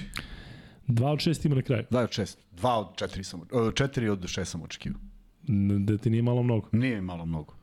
4 od 6. 4 od 6, spot up, on Čovjek sam. nije igrao cele sezone. Nije igrao cele sezone. Pljuno prvu, promašio. Tako bilo. Jeste, prvo Pljuno promašao, drugu, ali ušla. drugo je dao. Druga ušla. I, je- i, I ta prva kad uđe, ja pomislim sada to će biti. On samo ne treba traži sve ono što je, što je pokušao. Da, ne treba uopšte da organizuje igru. Bukvalno treba čeka, spreman da čeka. I žao mi što nije pogodio, naravno to bi bile kapitalne trojke jer to je šest poena. Ajde da kažemo jednu pa je već pola, ali ovaj, ne ide to baš tako onda neke stvari se drugačije dese. Međutim da, očekivao sam u tom delu da bude sigurni. Ništa drugo, ništa drugo nije, ne mogu da se setim skokova ili asistencija prosto i to Ja ne sjećam se, ja se ne, u njegovoj karijeri ne sjećam skoliko. Pa ne radi prosto to, ali ovo je bilo nešto dobro radi i onda je opet vratio trojku iz suprotnog ćoška, li tako bilo? Jeste. Ne, iz istog ćoška. I bilo, Jebeno. bilo je bliže, bliže, bliže nama. I, I šteta što o, ovaj nije pogodio bar još jednu, ali ja sam nekako bio mišljenja da će pogoditi, da će biti u dobroj šuterskoj formi i da će dati dve. E, Kuzma, je li Trifa u krizi? Sa ovim, nije. Ne. Odradio je pristojan posao. Nije puno igrao 8 ušao. minuta, ali Jeste, šteta što ona lopta opet je bio potpuno sam i neka je uzeo šut. Mnogo je, ž, ž, š, š, mnogo je veća šteta što nije one lopte ubacio u koš kao što jednu jeste. Ali nekako mu se otvorilo da je toliko puta bio na ofanzivnom skoku, dao je onaj koš i jako posle dobro imao gledao, tako je, jako dobro gledao gde se šta dešava i da ne uđe lopta. Mada ja mislim da je on jednu vratio u koš pa je ubacio hezonje. Jeste, ono, ono, što je, da, mislim da je on bućno s druge strane. držao, držao za glavu. A onda je tako hezonje skinuo onu poslednju. Jeste. Da, Kezanja je- je imao nešto. Ne, on sve- sve kontra čovjek. Da. Madar, 21 minut, 12 pojena, 4 od 4 i za 1 i za 2 i 0 od 3 za 3, ali zato 6 skokova, 3 asistencije, zaista igrao dobro. To je ta njegova energija, dakle Na otvaranje utakmice, onaj lep šut iz, iz Jeste. ćoška, buf. 4-0, da. Odma, da. Odma, odma te, odma te vrati u neko... Ne, u, U se detinjstvu te drugu- vrati. Da, to, sad da kažem, kad sam bio mali. Vratila me kad sam ja imao. Kad sam pogodio svoj prvi šut tako. E, e, dobro, dobro to izgleda i onda ti je ovaj, e, ritam dobar. E, dobro, Kuzma, ajde malo da prokomentarišemo um, Pantera i Lesora, ne zato što nisu igrali, nego zato što sigurno da očekujemo da Lesor u četvrtak e, zaigra, jer sada on ima još neki dodatni motiv da, da se dokaže ili ne znam, ili moguće Lesor da može još nešto dodatno da ima pored e, te njegove energije koja je, da kažem, zarazna i toliko lako uočljiva. Mora sad da ima smirenost jednu koja mu možda najviše nedostaje, da ne bude sad smo i propustili, sad ćemo mi to da rešimo Sad u narednih ja 7 ovo, minuta. sad sam ja- sad ću 7 minuta sve da ih ubacim u koš, samo ne to. Svoja igra, što bi ti volio da kažeš, igra svoju igru, samo, a njegova samo igra da uđe, samo da uđe isto onako kao što je ušao potpuno smiren, čak možda i da ne počne ako ne treba, baš zbog toga da bi imao Ne, malo nema više energije. problem, ja mislim da će Smiley početi sigurno. Tako je. I da uđe i samo da ne želi da pobedi odmah. Sad ću vam pokažem što juče nisam igrao i da krene nešto što, što inače ne radi. On kad krene da radi nešto što ne radi, to je loše izgleda. Koliko je značajan odmor u ovoj situaciji sad za njega, zašto jednostavno Ne, nije se ovde potrošio Mislim puno. da se on potrošio više nego ovi. Da. Ja. mislim da su oni Panteri izgoreli u potpunosti treba gledati to. Veruj mi, ovaj, kad igraš, znaš da je sve na tebi i ne- nemaš vremena za nervozu. Kad sediš sa strane, nerviraš se kao lud, tako da ovaj, može bude potrošnja nerava veća nego, kao, znaš ono, vratiš se kući kao izmoren sam, Da. više nego, što sam, nego, da sam igrao.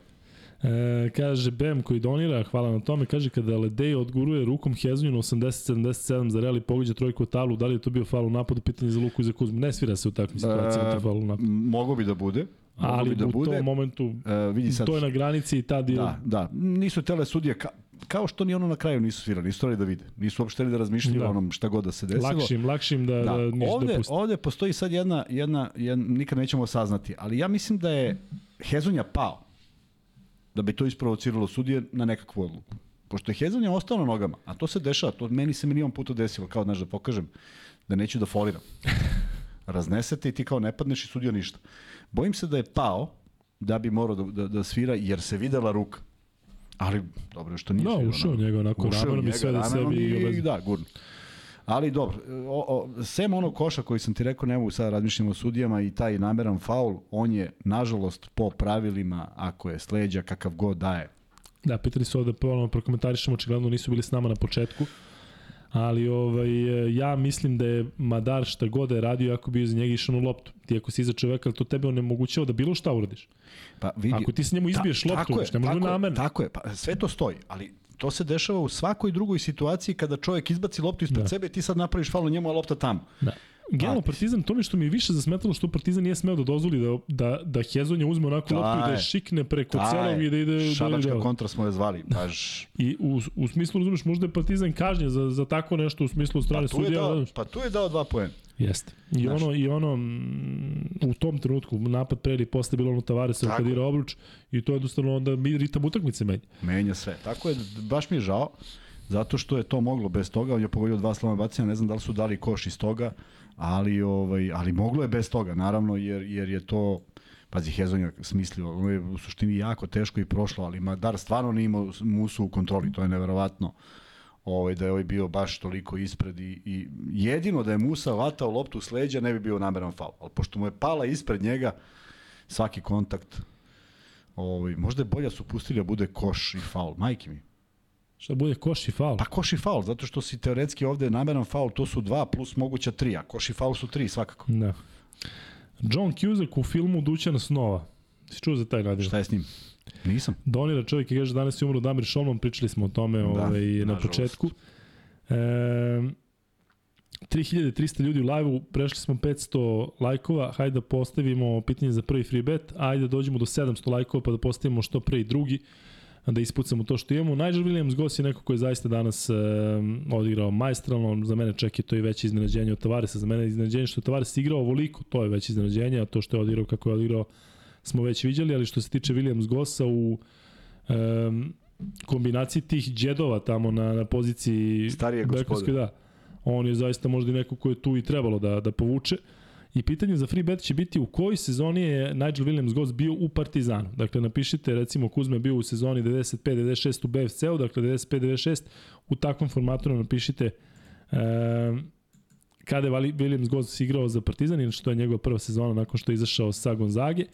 I to je dakle prvi free bet. Kuzma, a prokomentariše Williams Gossa, možemo malo da pričamo o igračima Reala, bar ovima koji su se istakli, 22 poena, 4 od 6 za 2, 3 od 6 za 3, 5 od 6 sa penala, jedan skok, dve asistencije, dve ukradeni, jedna izgubljena, indeks 19, dakle, zaista sjajno, ali nije, čak nije, nije ni drugi po indeksu, zato što Hezon je, znaš koliko Hezon ima skokova? Kuzma? 12. 14. Ma to je neka fora. da, ovde namjerno trolujemo. Platili su, platili su, Lige, da. platili su ovaj zapisčki Znači, kad mi završimo podcast, oni vrate na šest. Znaš da je bila e, jedna ludočka utakmica ovaj, u kojoj jedan tim dao 74 poena, a tim imao 37 asistencija? Ma, to si nešto sad. Nisam, nisam. Malo su falsifikovali ovi zapisničari. 37 asistencija. Eto ti. Znači, niko nije dao koša da nije bila asistencija. A i niko nije dao da. slavno bacanje. Pominjao si to i ranije. Pa jesam, ali volim da spomenem nešto, da, nešto sad kad, blesalo. kad je moment za to. Pravi moment. Uh, ko se slaže, Pol, ko se slaže da je bio pravi moment? Validirani Stex, koji ne bi trebalo se zeza, kaže prema mom izvoru koji je veoma dobar izgleda da Aleksa slomio istu kost na kao prošli put samo na šuterskoj ruci na snimanju sad. je, u snimanju na bolnici da misli ista kost ono što smo rekli ono teško. U snimanju je na snimanju je bolnica pa ne mogu da snimanju sat vremena zato su ga snimili to je rentgen traje. Nisu ne traje rentgen mora da se ustanovi da se pregleda istuširao se da pa nije nije istračao kao A kako tuširanje? se istuširao samo ja kažu da je možda da je da završena sezona po nekim najavama ne daj bož, pa ne daj bož, baš ne daj bož E, ali eto, ja mislim da iz takvih situacija Partizan treba da izađe jači, dakle, jednostavno nema, nema više prostora u ovoj sezoni za bilo kakve neke padove, pa kad se ovakve stvari dešavaju, ako ćemo iskreno, ako neko voli Partizan i rad, nada se pobedama, to sam ja, ali zaista ove godine nije bilo toliko povreda u nekom ključnom delu sezone. Partizan je dugo bio kompletan i ovi najbitniji igrači su Uh, igrali, Partizan ima suspenzije, Lesor u ABA ligi, sad ima suspenzije, što nema veze sa povredama. Dakle, mi se sećamo Aleksine povrede, sećamo se da je Exum uh, odsustvovao dve, dve nedelje, Balša naravno mononukleoza, ali ruku na srce nije toliko bitan igrač. I evo sad imamo ovaj, tu specifičnu situaciju ovaj, da je Exum doživao povredu posle onog zahvata tog Jabudala Sela. I to je to. Milan Jovanović je osvojio prvi free bet i on je stavio tačan odgovor 2017, 2018, to je sezona, uh, ruki sezona u Evropi, ruki profesionalna sezona za Nigela Williamsa Gossa. Kuzma, imaš još nešto da kažeš za njega, zato što je mogu zaista zaslužio, mislim, da, da, da ga pohvalimo ako ništa. Odigrao je vanredno dobro. Zato što ga nije bilo u toku sezona, imao i on povrede i pehove i sve i zaista je bio, bez njega ne bi ovo izgledalo tako. Najsmireniji u momentima kad se odlučivalo, možda ima jedan uh, lošu procenu šuta. Znaš kad mu je dal Ledej uleteo u, u, u šut, pa je podigao ruku, pa je morao napravi cim u šutu, pa je promašio. Van toga on i ulazi kako otvara Kakve drugo detalje pamtiš, to je nevjerojatno. Mislim da vraćaš ono, ne ono, onako unazad. Ja, da, pa ja samo da, sam to gledao, samo vratim svaki. I zapisuješ u telefon i onda kao gledaš na Instagramu i odgovaraš u stvari ono screenshotovi tvoji da je budeš ovaj ono. Evo da se podsjetnik, znaš kao, da. šta treba reći. U 12. minutu reci ovo. Uh, odlično je otvorio drugo polovreme, davao vrlo bitne poene. Skoliko je poena završio? 17? 22. 22. Pihaj. Slobodno bacanje? Slobodno bacanje Nigela Williamsa Gossa su Jedno je 5 od 6. 5 od 6, jedno je Ali je promašio. pogodio ona najbitnija na kraju i to ih je I pogodio tako trojku, lagano. tako je, lagano sve. I Tavares je bio majestralan sa linije slavnih bacanja za tolikog čoveka. Ljudi, ljudima je teško to da shvate. On, on, on faktički da napravi luk, to je jako teška Jeste. Poluga za, za šut i mehanika šuta je jako teška, jer on faktički treba šutira u koš koji je u toj visini kada on digne ruke. Tako da je prosto nevjerojatno koliko je napredovao i u tom segmentu. Zamislim, ne daj Bože da se Tavares nekako uključi u onu tuču i da nekog udari onom šakom. Ne, on, on krene da udari ovoga, ali udari trojicu, jednog podlakticom jednog nadlakticom. Ali mislim da svakoga je mogu da uhvati ovako bukvalno za glavu i da ga skloni je negde sa strane. Pa Ali tuča- zaista, Tuča Jugoslavija i Italija, kad su Žižu videli kako ide, to je bio ozbiljan, ozbiljna frka, bez obzira na Dina Menegina, znaš. Žiža je samo izbacio ramena napred, nazad i krenuo. Menegin Makaz, je li to to? Aha. To samo ti sećaš. Kada je bilo to? To se, pa to 70? 1800, koje godine miksa? Stari vek. Stari vek je u pitanju. Renesansa, E, još smo slušali renesansnu onu muziku. E, Tavares se zaista treba da pohvalimo. Dakle, momak, e, što Kuzma kaže, nikada nije nešto imao neki, neku reakciju ili nešto Nikad da je, da je, da. dakle, on čovjek On igra, poštuje košarku, poštuje protivnika i zaista koristi to što je čudo prirode, moram da kažem. Dakle, mi u Euroligi imamo Jusufu Fala i Kumađi, ali oni zaista deluju kao drvo i drvo. Mu kada pogledate Kad sa pogledaš sa Tako je. Tavares, jeste, motorika Dakle, je nestvarna. I zaista što se tiče te neke meke ruke, to onako podsjeća kao kod Bobija koji je zaista sam po sebi fenomen E, sa tom e. šakom da... Upravo su njih dvojica vrlo slični, a sećaš se da je u tom periodu i Slavko Vraneš igra.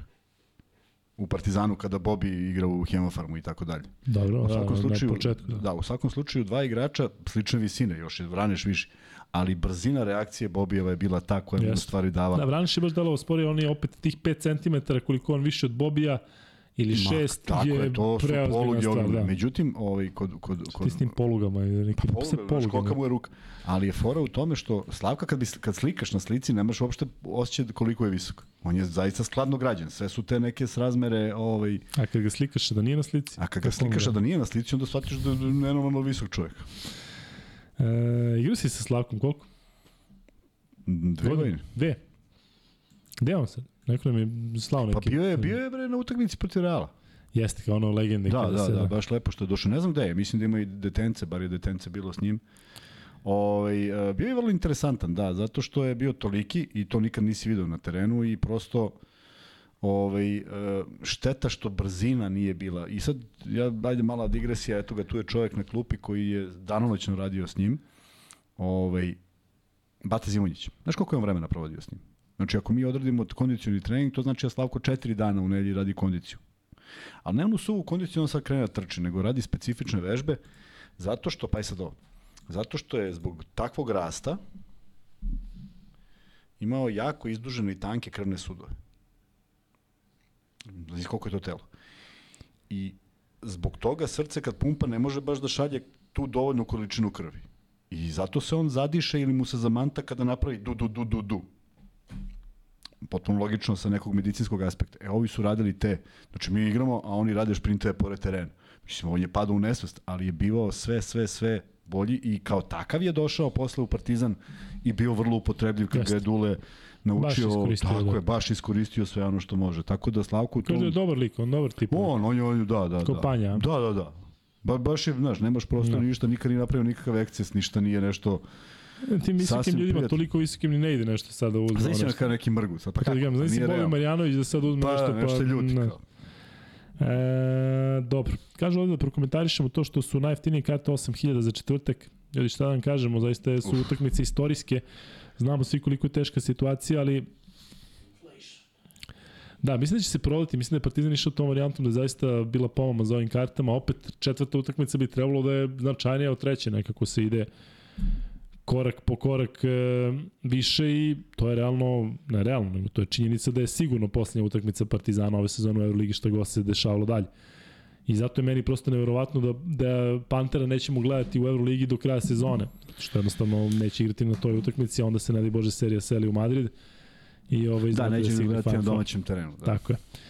E, dobro. E, 600 lajkova, čekamo još 100 lajkova pa da ispucamo drugi free bet. Što se tiče igrača Reala, samo ćemo proći još kratko, dakle istakao se Tavares, naravno koji je za tih 36 minuta imao indeks 41 i Tavares koji je imao 11 od 14 za 2 i 4 od 5 sa penala, svaka čast za jedno i za drugo, 26 poena, 11 skokova, 3 asistencije, jedna izgubljena.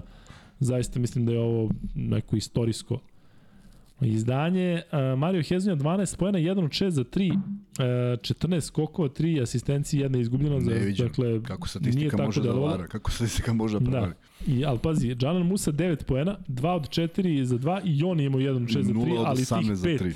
A tih 5 je bilo... Da, da, ne, ne, I 0 od 5 air bolovi, znači, posebna kategorija. to mora bude da, kategoriju stave još jednu. Ali pazi, 6 skokova, 4 asistencije, dakle, Džanan je radio još neke stvari koje se možda nisu toliko videle, dakle, e, on jednostavno... Sve to stoji, ja i ne mislim, i čak i ulaze imao lepe i sve, ali ovo, da ova nonšalantnost, da. pa, ne, pa, zaista to nije, to nije poštovanje svojih saigrača. Ali on to kad pogodi, nikomu ništa ne kaže, jednostavno su možda ja navikli da Ja sam gledao tri utakmice ovaj, unazad, dve, tri i ne videh, ne videh tu sa 8 metara koji on pogodi baš. Ja video par puta kad Čačo pogodio trojku, pa to moguće, čoveče. Ne znam što potpuno ti to podcenjuješ, što Riko da za, za mene jedan od najboljih playmakera. Potpuno je poremetio mit o, o kratkoj, onaj sad, sad ne mogu da ga se sećam kao kratka trojka. ti je nešto uradio, nešto te... Ono... Jeste, jedno me pogledao kad sam nešto prolazio, da. on me pogledao. Ne, nije onako mrko, nego ja, pogledao Mislim da je pre Lazića ja pogledao, pa si mu ti zapamtio to. I Laziću nešto rekao, da. da. E, dobro, to je to što se tiče igrača. Kuzma, da najavimo taj meč u četvrtak, šta možemo da očekujemo u smislu uh, potpuno dva različita poluvremena. Naš Dule ovde primetio nešto što je zaista zanimljiv podatak, da je Makabi uh, za celo poluvreme protiv Monaka u meču koji je izgubio na kraju 70-80 78-83, ali Makabi je dao 32 poena za celo prvo poluvreme, Partizan je u prvom poluvremenu da u prvom četvrtini dao 32 Realu, ali Partizan je onda u trećoj četvrtini u prvu u drugoj četvrtini imao 16, po trećoj 15 i u četvrtoj 17.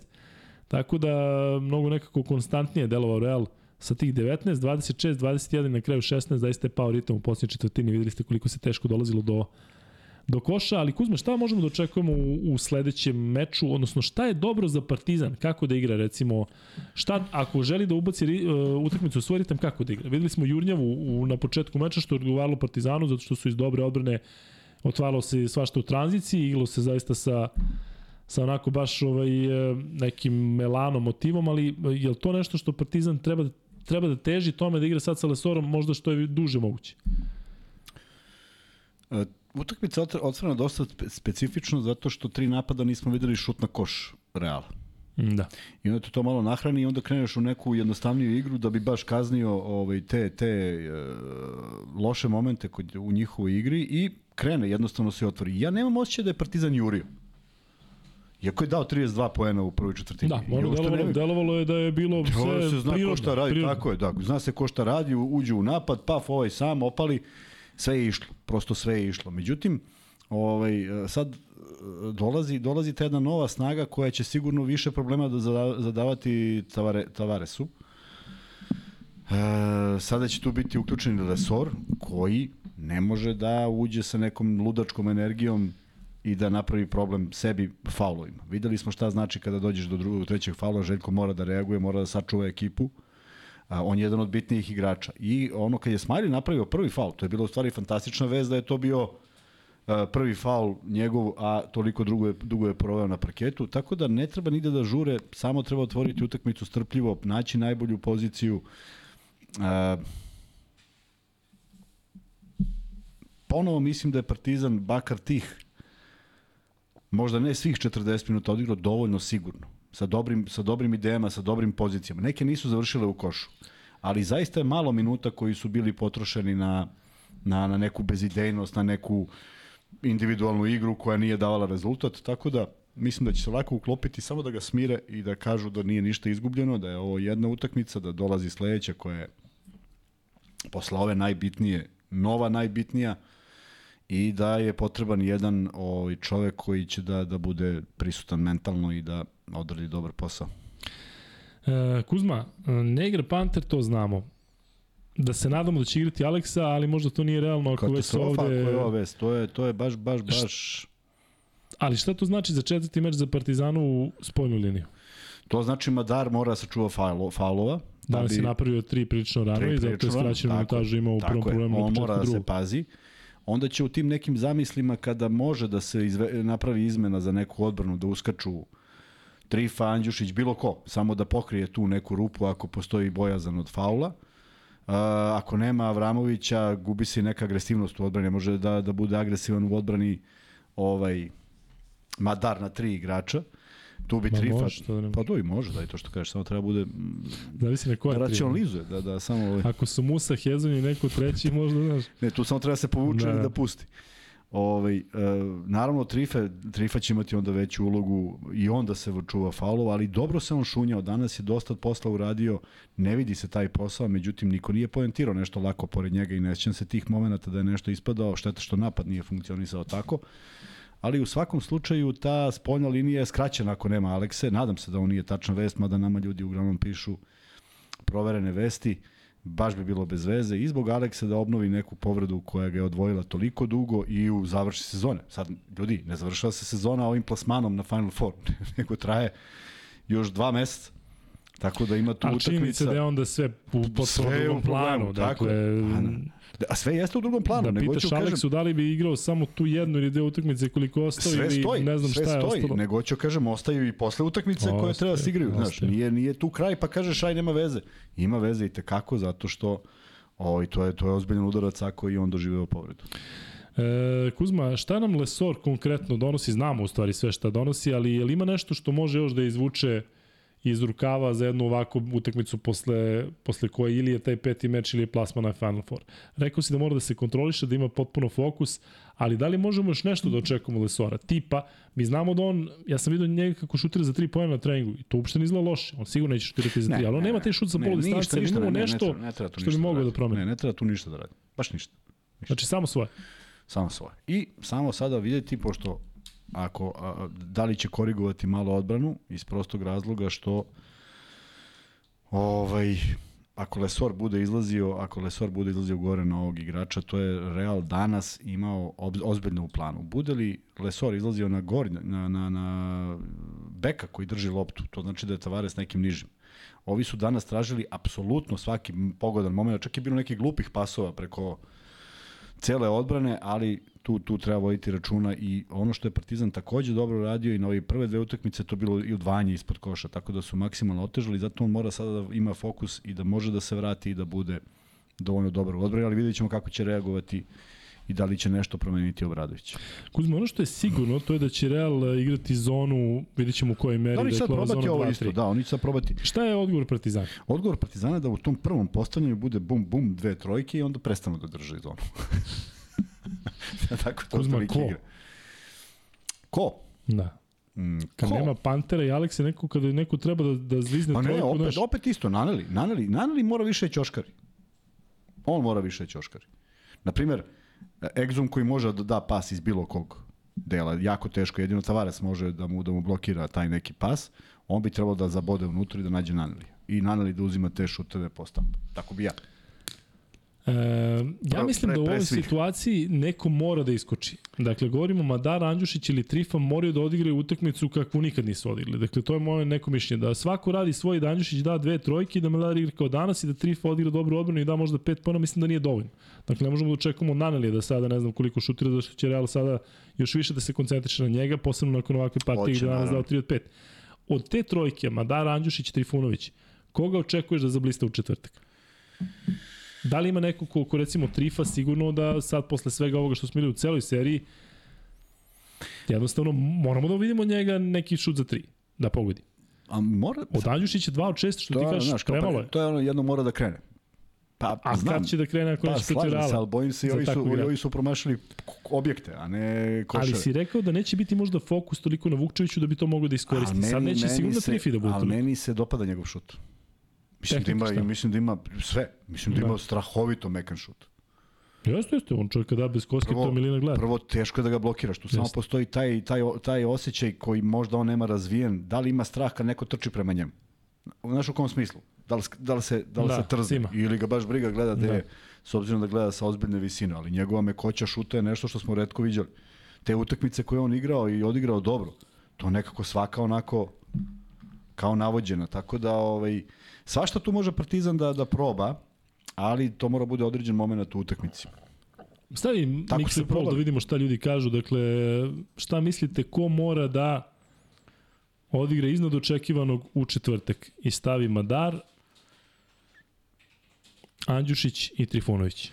E, kažu naši gledalci da je dobro vest da su vraćene stare cene karata. Jeste ovde, kaže Dušan E, Dušan da su to- ovo bila dezinformacija, šta da radimo? Kada četvoro, petoro ljudi stavi to da je to sigurno je, dobio sam i verovatno- ovde, ali evo izašlo je. Kažu da su povukli neki Instagram nalog, nešto trt mrt. U svakom slučaju lepo što će biti Zapratite Ovaj. taj nalog, Instagram trt mrt, donja trt crta, mrt Luka i Kuzma. tako je. Kuzma, imamo 3.500 ljudi live, ajde da se malo ispromovišemo. Šta sve treba da promovišemo? Dakle, Luka i Kuzma uh, je sajt lukakuzma.rs, imamo majice, ne ove, ovo je u znak poštovanja prema Partizanu i Egzumu, Egzum stalno nosi ovu ti majicu. majica? Sad sam Kod primetio. tebe. Na tebi. Obukao si je, nisi znao. Ele, e, dakle, Under Armour. zatim... Kako? Pa ti možeš, šta meni piše? Yes. Mogu ja tebi šta piše? Aj, aj, ajmo, ajmo zajedno. Neće čovjek da nas promoviš, pa to je. Hvala A- vama svima na donacijama, ima i ta opcija Paypala, imamo... Uh, Bio sam, danas, nalog? bio sam danas kod Solunca, najbolji giros u gradu, ali nisam jeo jer sam već ručao. promoviši nas, ne Girus Međutim, Solunca. Pazi Solunac koji je majstor. Solunac je kupio crveni dres, e, crvenu, crveni duks. A Solunac, ono trgu Republike, Aha. što treba da idemo zajedno. Da, Stefan. I on je kupio crveni duks. I ja ga Rekao pitam, mi je, obećao mi da ćemo ići zajedno. i ja ga pitam, ovaj, ja sam mislio da je crni, međutim ispostavi se da je crveni. I kažem, doneću ti, ja kaže, donesi mi, pošto bi išao na utakmicu. Ja kažem, ali dres je crven. Ovaj, duks je crven. On kaže, nema veze. I slikao se. Kaže, mislim da sam imao jedinu crvenu duksaricu u celoj areni. Tako da imam njegovu sliku, ovaj, pozdravio te puno i rekao da svratimo kod njega. Što si išao bez mene? Sad sam Pa zašto u depresiji veći nego nakon što je trebala mu je Partizan izgubio duksarica, danas. čoveče. Trebala mu je dukserica, onda ti dao giros i ti pojao giros Ej, i poslije ćemo da imamo Kaže, kao jer zajedno. nešto mu rekao, daj im još jedan za luku. Ali si ga poj, pojao. Nisi ga Šta pojao, pojeo, nego si ga kući pojao. pa smo podelili svi To. uštedeli malo. Ljudi, vidite kako je to ne, neravnopravno, nema gaveza za mene. Gaveza sam dobio jedno četiri meseca nakon što su nam podeli. Ujutru sam popio jednu i to mi posle prebacivo na putu kući kao nemoj toliko, znaš, čuje se ono kš. A evo šta god Neverovatno. dobije, majicu dobije podar. Ja donesem proda. tortu ovde, on čovjek pojede celu tortu, to je prosto nevjerovatno. Ono kada vidite da Kuzma nema, da nestane iz kadra, on ode tamo pa jede tortu iznad sudopere, prosto ovaj, Šta ja čovjek ne slušam. I to ovde? rukama, rukama je. Ovaj, čekaj, si jeo tortu pred početak posle, Yes, priznam. Yes. Eto, Našu ponudio. tortu. Jesam. Pa jesam I rekao hoću, Miksi. samo nisi, nisi me čuo. Sam, sam u sebi Nego i pričao. pomisli, da se neko pomisli da je sve ovo isti. Ne znam da ja ono... Gde smo stali? Stali smo kod uh, Euroligi. Tu smo otprilike negde.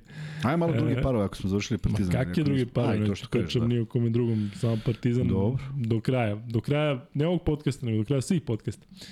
E, ljudi, šalno stranu, dakle, nadamo se da će u četvrtak biti bolje. E, ja pokušavam da pronađem u koliko sati je ta utakmica, zato što da, evo, 20.30, dakle, trebalo bi da je isti termin kao i večeras. I nećemo da razmišljamo o tom petom meču, dakle sa povratkom Lesora Partizan dobija mnogo, ali činjenica je da Real dobija uh, sa Dekom.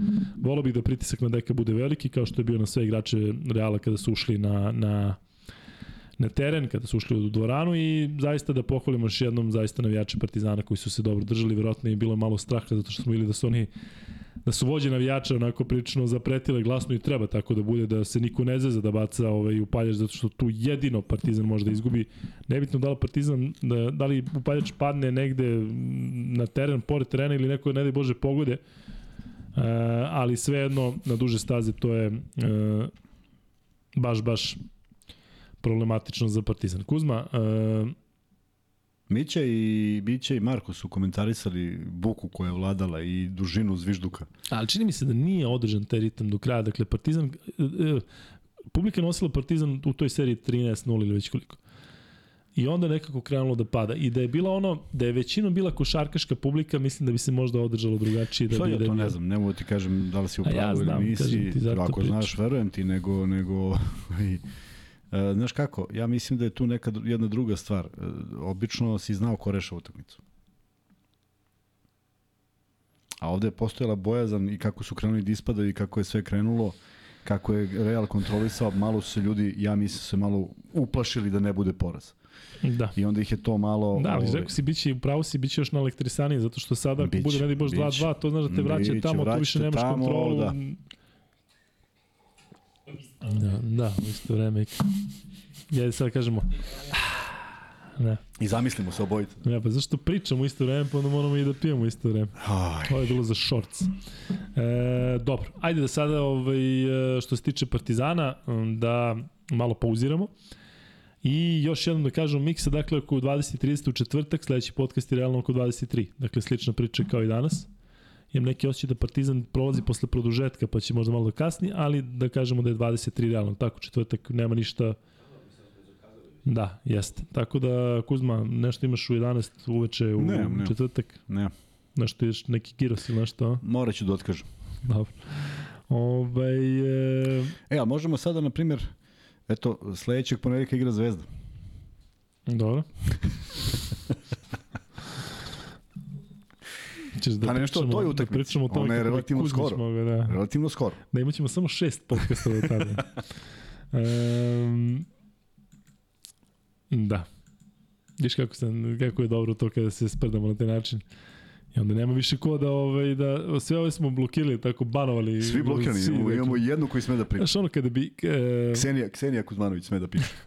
kad smo to jest kad sam ja dao ideju da odbanujemo sve Ja mislim kad bi ih smo odbanovali da bi nastao potpuni haos. Dakle, ono sve što su trpeli tri meseca i hteli, a ne mogu, ono, E, ne sad vidim. ću.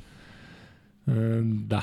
Mm, dobro, Kuzma, Monako pobedio Makabi, vodi 2-1, ja sam očekivao više. iznenađen sam, iznenađen sam, ali ovo je Nismo bio videli te meče, maestralan, nisam da. iskidao gola, mogla da ću kad dođe Ja kući. sam malo pogledao i ovo je bio naravno na svom nekom nivou. Koji je ovaj? James? Aha. A ovaj drugi je bio ispod svakog nivoa. Brown.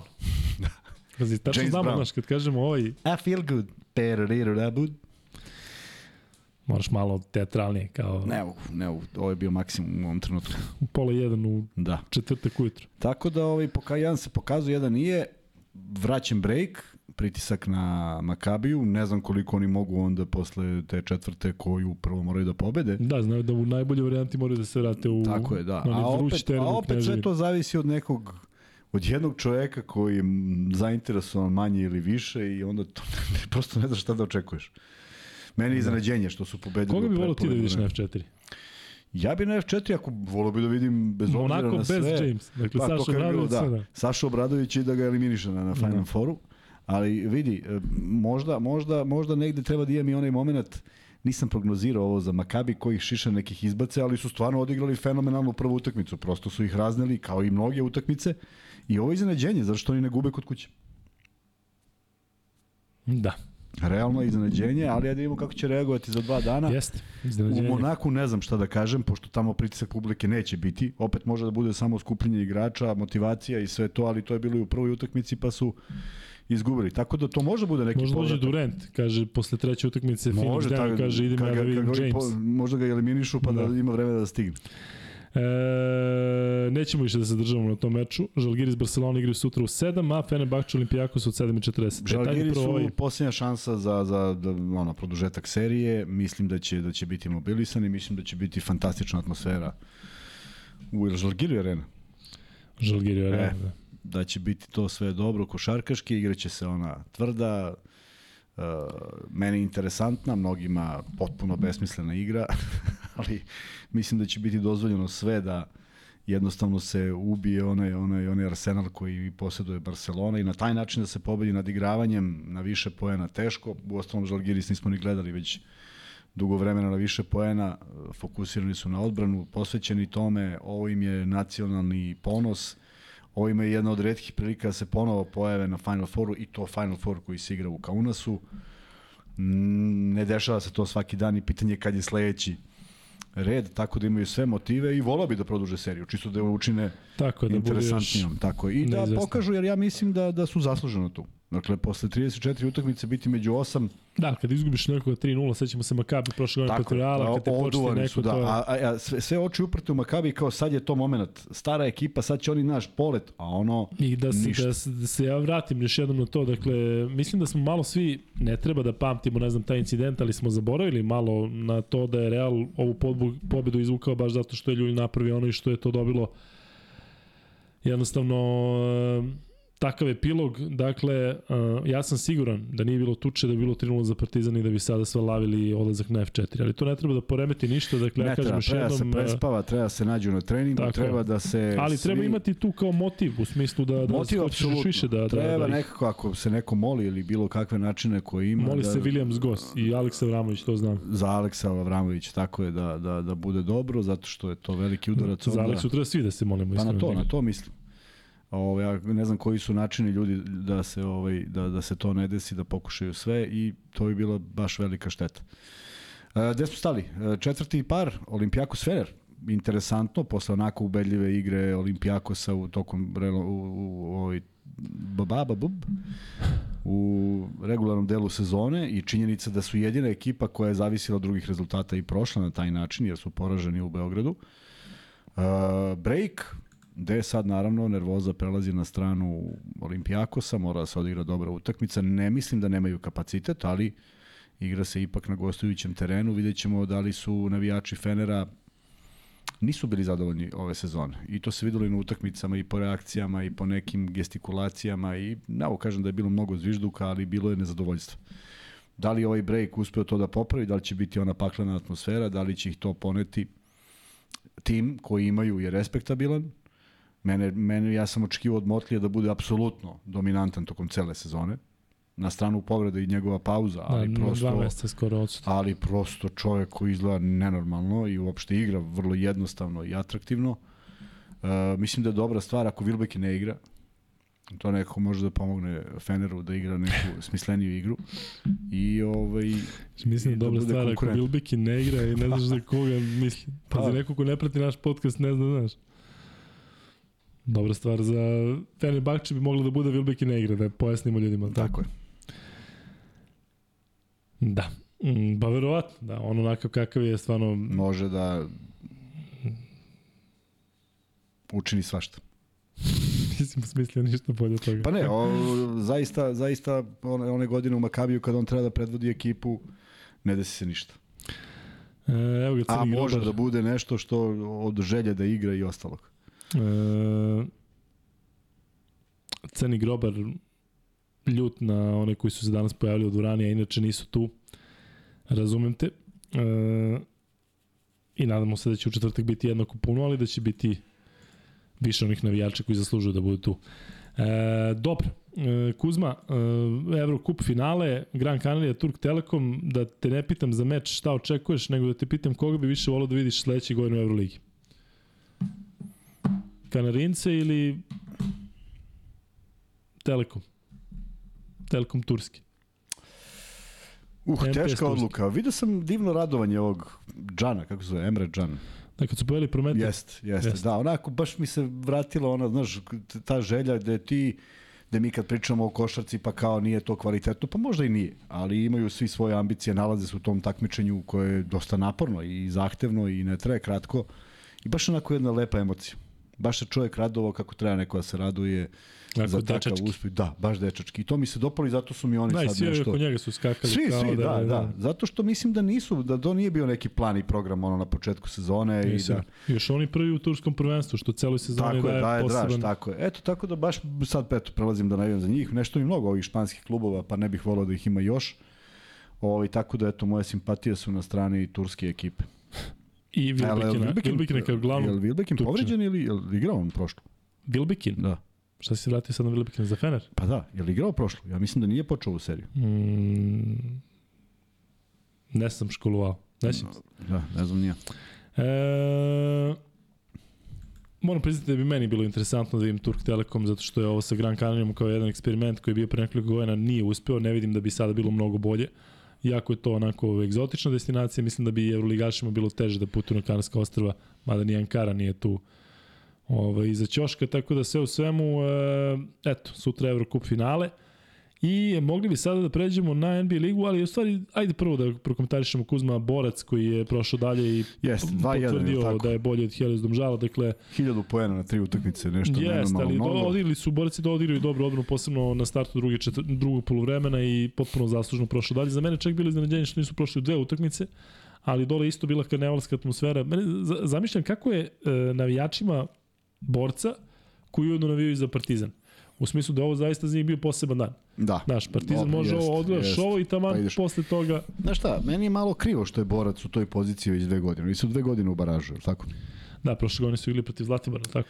Malo mi je krivo zato što mislim da ni ambicije ni ni sve to što se vrti oko tog kluba nije ovaj nije nije nisu bili na tom u tom smeru obe sezone. I oba puta igraš za neki spas, a realno ovaj, pobeđuje se samim tim što igraš jače takmičenje. Ne može Helios da parira borcu, borac koji god da su momci igraju protiv daleko kvalitetnijih igrača i samim tim do kraja sezone ističu veći kvalitet, ali bih zaista volio da ih vidim napokon, da, da se nešto desi u Čačku. Znam da financije tamo nisu najsjajnije u smislu da tu baš pršti koji su budžeti, ali oformiti ekipu koja ima neki, neku ambiciju play-offa u, bilo bi jako interesantno, bilo bi jako dobro za grad. Videli smo utakmice koje su bile krcate, dvorana koja Da, je bila da, da, krcata na je isto- utakmicama. Tako da bi to još onako dalo neki dodatni momentum i vratilo, vratilo još neku veću energiju. Ehm, Dejan Mijatović je tamo, da li će ostati sledeće godine ne znam, ali on je čovjek koji je i igrao za borac svoje vremeno i prošao mnogo toga, tako da može da donese i tu neku novu energiju i ajde da ih gledamo u nekom play-offu, u nekoj borbi za play-off. Da, to delo onako realno. Pa da, znaš, dve, dve godine je mnogo i kažem, pobeđuješ zato što su ove ekipe zaista igraju drugačije takmičenje, pa kad oni izađu s tobom, to je kao kada ABA ligaš igrađe, izađe na, na utakmicu protiv Zvezde ili Partizana, jer su po logici stvari spremni i fizički igraju na drugom nivou. Mislim da zaista, evo, uh, stižemo do 700. lajka i mislim da zaista treba malo da ispromovišemo borac, odnosno da podsjetimo malo na tu utakmicu i na momka koji je danas zaista pokidao. Dakle, pitanje je, odnosno drugi free bet je sledeće, ko je uh, danas bio najefikasniji i koliko poena je dao za borac? Dakle, stavite prezime i stavite koliko poena i ko prvi to uradi dobit će drugi free bet u iznosu od 1000 dinara i šalje na lukajkuzma.gmail.com. Dakle, to je prvi, drugi free bet, ti Kuzma lagano u, dok mi peglamo NBA ti smisli neki treći, neko šarkaški free bet. E, 20 minuta do 1, m, dakle, bit ćemo tu sigurno i u 1, e, pa ćemo ovaj, zvanično dobiti i informaciju ko je MVP, mada to nekako sve naginje ka Embiidu, pritom se pojavila se neka budalaština. E, sad će, za Embiid- 20 minuta, a? a 19.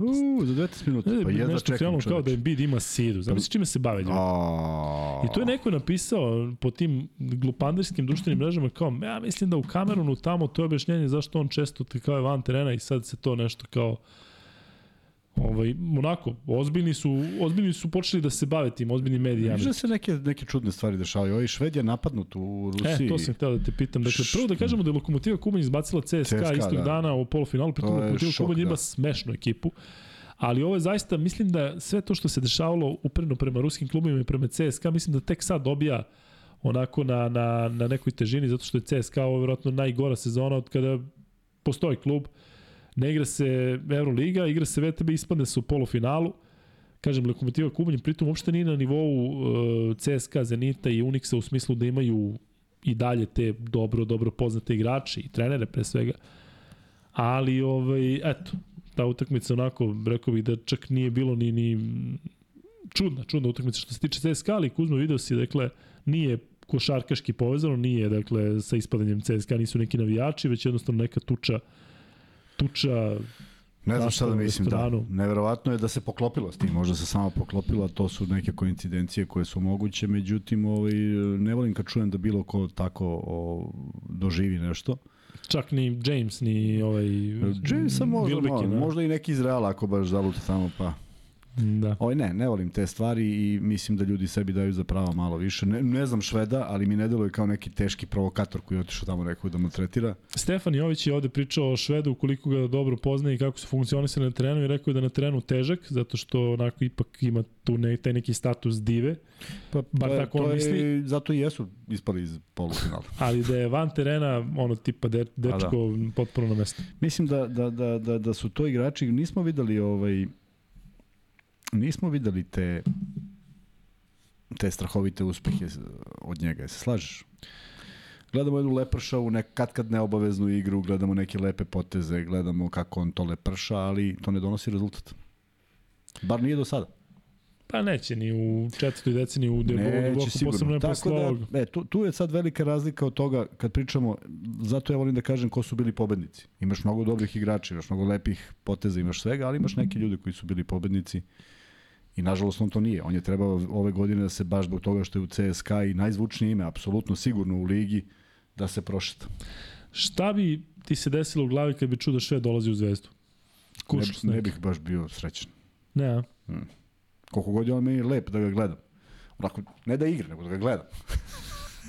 da ga gledaš golog od pojasa. Da Koliko da god ima te da neke lucidne da... poteze i svašta nešto i, i deluje da i da se da se šali u određenim momentima, nije to pobednička košarka, tebi treba neko ko je pobednik i ti znaš koliko ima igrača o kojima ja stalno pričam koji za mene nisu pobednici, a vrhunski su igrači. Prema tome, samo je to razlika, inače ništa više. Ja mislim Sad, da, da je hoćeš za, rezultat. Za, šta sa? Da li hoćeš rezultat ili hoćeš da bude lepo. Ima legitimni stvari da uzmeš nekoga da ti, da ti košarka bude lepa i da svima bude lepo, ali ne desi se ono što si želeo možda ili priželjkivao. Kad smo već kod lepog Giros, danas bio lep, bio dobar. Nisam ja Giros, rekao sam, samo sam otišao vidim Stefan. Već sam ručao bio. Ne bi ja bez tebe, ne bi ja bez tebe ja. Ovaj, e, ja mislim da je za te igrače tipa James Wilbekin Šved da im je idealna destinacija Dubaj. Dakle, KK Dubaj, novo formirani, nastao 2020, odnosno nastaće 2024. Šta kažeš Kuzma, lepo, nek Švedi, svi ovi nek uzmu tamo lovu, nek igraju ono... Sami si ako da, odu tamo, pa to će biti, ne. to će biti najlepša košarka. Neće razgovarati među Na veliki broj baš, poena, da. da.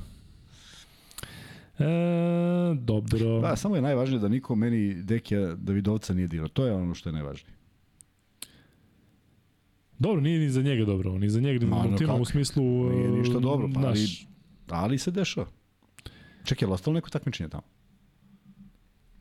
Pa da, oni će se vratiti, mogu dođu u podcast. Pa eto, A? pa je onda odlično. odlično su ispali.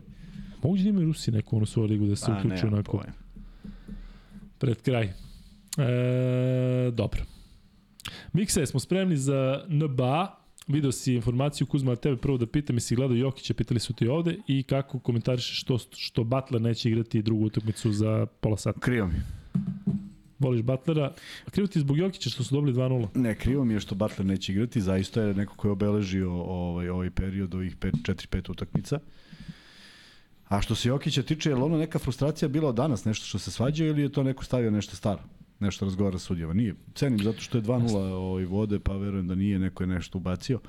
U svakom slučaju bilo je tu nekih lepih poteza koje se vrte društvenim mrežama, Denver sigurno gazi, što je najvažnije, ali ovaj, igrale su obe u Denveru, tako? Jesu. I sad prelaze u Arizonu. Sad prelaze u Arizonu, ajde vidimo da li ima neke snage Phoenix tu da, da reaguje. Phoenix? O, šta? Pa Phoenix, valjda. Pa dobro, Phoenix, Phoenix. Ma jeste, ali smo ga svi zvali Phoenix, to je pa kasno došlo Phoenix. Kad je KJ igrao. KJ. Ajmo, free bet pitanje. KJ, treće, koji je treći? Samo samo moment da kažem da je drugo dobio Leo Armando, 30 poena, Hale, šutirao trojke 7 od 10. Koji je broj nosio KJ? KJ Kevin Johnson. Da ne, ne kažeš ko je, nego iz Phoenixa. Pa možda misle Kendall Johnson. Ono pa što nemoj da misle, zna se ko je KJ, jedan je KJ. A, to je bilo kao tri, kao pa, ko je KJ i sad ovde stavio to. Oni pišu 24, a mi vičemo nije. Što si rekao sada je 24? ja, znaš kog je grada bio gradonačelnik Kevin Johnson? Iz kog grada je? Kog grada je bio? bio Sacramento. Jeste. Jok ne znam, pa ja znam sve o Kevin Johnson. ne znaš sve kako, znaš sve. Uh, Kevin Johnson je bio gradonačelnik Sakramenta, čovječ. Da. To je možda čovjek koji je najdalje dogura u nečemu što nema veze sa sportom. Moćna izjava. A? Jel za, za šort? Da neko Jel za šort? Na, da. E, Nek se seci odmah pravi šort. e, da, Kevin Johnson je nosio broj, Kuzma sad možda kažeš koji? Neću. Pa ja ne znam, ovde mogu da pišu šta hoćeš, pa, sad nećemo da free bet. 21, 34, 7. 7. Mateja Babić, prvi sedmica. Matthew. Mateja Babić, Mateja, kako li si ti prošao sve ovo večeras? Nadam se da si dobro. Tu nam je i Vuk Grbić koji je promašio broj 21. Sad će vjerojatno da se ispostavi da negde nosio 21, ono, u Sakramentu, u srednjoj školi dok je bio. KJ Phoenix 7. E, dakle, tačno odgovor je 7, tako? Tako. Mateja Babić je prvi. Naš odgovor, ne mora da bude tačan. To je naš odgovor. da, ne, ne, mi, mi, smo, mi smo dogovorili da je to, ovaj, da je to da, da je tako. Taka, da je to tačno. E, Miksa, e, moramo da krenemo u Denver, iako je ranije odigrana utakmica između Bostona i Filadelfije, gde Fila vodi, vodi 1-0, a Denver vodi 2-0. Neverovatno kako je Phoenix pao u drugom polovremenu i kako se sve promenilo kada se povredio Chris Paul, ali da se razumemo, Denver ih je naterao na neke loše šuteve odbranom i odbrana je zaista takva da, da čovjek ne povredi. Da li su da 14 pojena Sansi u posljednjoj četvrtini? Generalno, odbrana na obe strane je bila i sudijski kriterijum onako kako ja mislim da mi volimo. Nije bilo faula za sve. Obe ekipe su postigle mali broj poena ispod 100 i imali su loše procente šuta. Ali da, Denver definitivno sa rotacijom, sa nekom energijom s klupe bolje defanzivno. O, ovo je totalno drugačija utakmica od one prve. Znači dobili su ih kad sve ide, kada daješ da. koševe i dobili su ih kad ne ide, naročito Džamalo Mario koji je bio katastrofa sinoć. Miksa, Ali pazi, imam pitanje za tebe. Ide, mogu nešto ide... da te zamolim, Miksa? Kaži. Pomozi mi da ga ne ubijem. A brate, ne mogu jer ga ni... Mene nervira, ali znaš šta me nervira? Ovaj, ali dobro, to, to je verovatno, rekao i Malon, verovatno ga oni teraju da šutira da uđe u ritam. Ma miksa, vidi, ali oni šutevi, Čovjek brate, šutira 0-9. Kuzma, moguće da šutneš matematički 0-9? Kad, kad, koji je moment da ti šutaš šestu trojku? Šestu trojku šutiraš valjda ako si dao jednu od pet. Kako šutaš 0 od 9? Ja ne znam, jel, jel, jel ti imaš, smeš da staneš pred ogledalo da šutaš 0 od 7 i da uzmeš osmu da šutaš? Pa u NBA-u da. Da. da. To je Ali vidi, e, kada pričam o Mariju cele sezoni, kada pričam i pre toga o Mariju, dakle, on je momak koji slavi samo svoje koševe, brate pažnju. Dakle, on kada je dao onaj neki floater i šutnu u tom trenutku 2 od 16, 3 od 15, koliko god, on je nešto jao, finally, gleda gore. Dakle, on čovjek je teatralan samo kada on pogađa ili kada promašuje. Dakle, on čovjek je potpuno zaljubljen samo u sebi, to nije dobro. S tim što ja sad počinjem da mislim da je Nikola Jokić toliko veliki, i toliko moćan i toliko dobar, inteligentan da može da nadoknadi, bar u ovom meču mogao, da nadoknadi Mareja kad je loš. I čim je Mareja odigrao onu prvu utakmicu onako dobro, kunem ti se, znao sam da će to u jednom trenutku da se, da se izbalansira. I kod Jokića to nema. Jokić će sledeću utakmicu možda imati 24, 12, 9, 26, 7, 11. Neće imati 4 poena ili, ili 0 od ne znam koliko. Pa gledaj, najbolji je igrač i konstantan je i definitivno ono što pričamo cele godine. Šta smo rekli pre početka play-offa? Šta mislimo da je dome Denver? Koliko Jokić bude imao podrške svojih saigrača. Tako je. Zapravo su se saigrači pojavili, svi osim Džamala u ovoj drugoj utakmici. On je bio loš. Yes. Ok, odigrao je par dobrih pick and rollova, podelio nekoliko dobrih asistencija, davao energiju u odbrani u četvrtoj četvrtini, uradio bar nešto. Jeste, ali u stvari ta, ta, u toj seriji on je imao neke, počeli su napadi pa da. njega, ali miksa 0 od 9 Ma, znamo, 3 od 15, to je jednostavno neprihvatljivo. Te da si me vidio kako gledam tekmu, sve bi ti bilo jasno, znači ja pizdim, ali šta da se radi s tim? Razumeš, na kraju krajeva povredi se Chris Paul i naprave seriju 25-6 je bila serija na kraju. Da. Znači, obe tekme su završili u garbage time. Jednu ofanzivnu gde sve ulazi, drugu defanzivnu gde je odbrana bila vrhunska. Znači, zatvaraju, pomažu, uspevaju nekako i, gledaj, Phoenix se sveo na Durenta i Bukera, koji su Durant ima malo slabe procente šuta, ali opet, ako Buker, njih dvojica treba da daju sve, nema da. ništa toga, ne mogu dva igrača. A šta sa onim Cameronom Payneom koji uzima one šuteve i živu silu ne mogu? Pa, Reku mu je, rekao moraš da uzmeš taj šut. Mislim, pa ne, ali pazi, 6 sekundi do kraja, umesto sad kao, umesto da dođe na uručenje da da Durantu ili Bukeru, pa je ovi kad probaše, umesto nego on uzima, pa nešto Brate, se vidio onu akciju, Buker udvojen, pravi fintu šuta, diže dvojicu, gura loptu između njih, podeli ih, uđe u reket, navuče još jednog, izbaci pas u levi korner.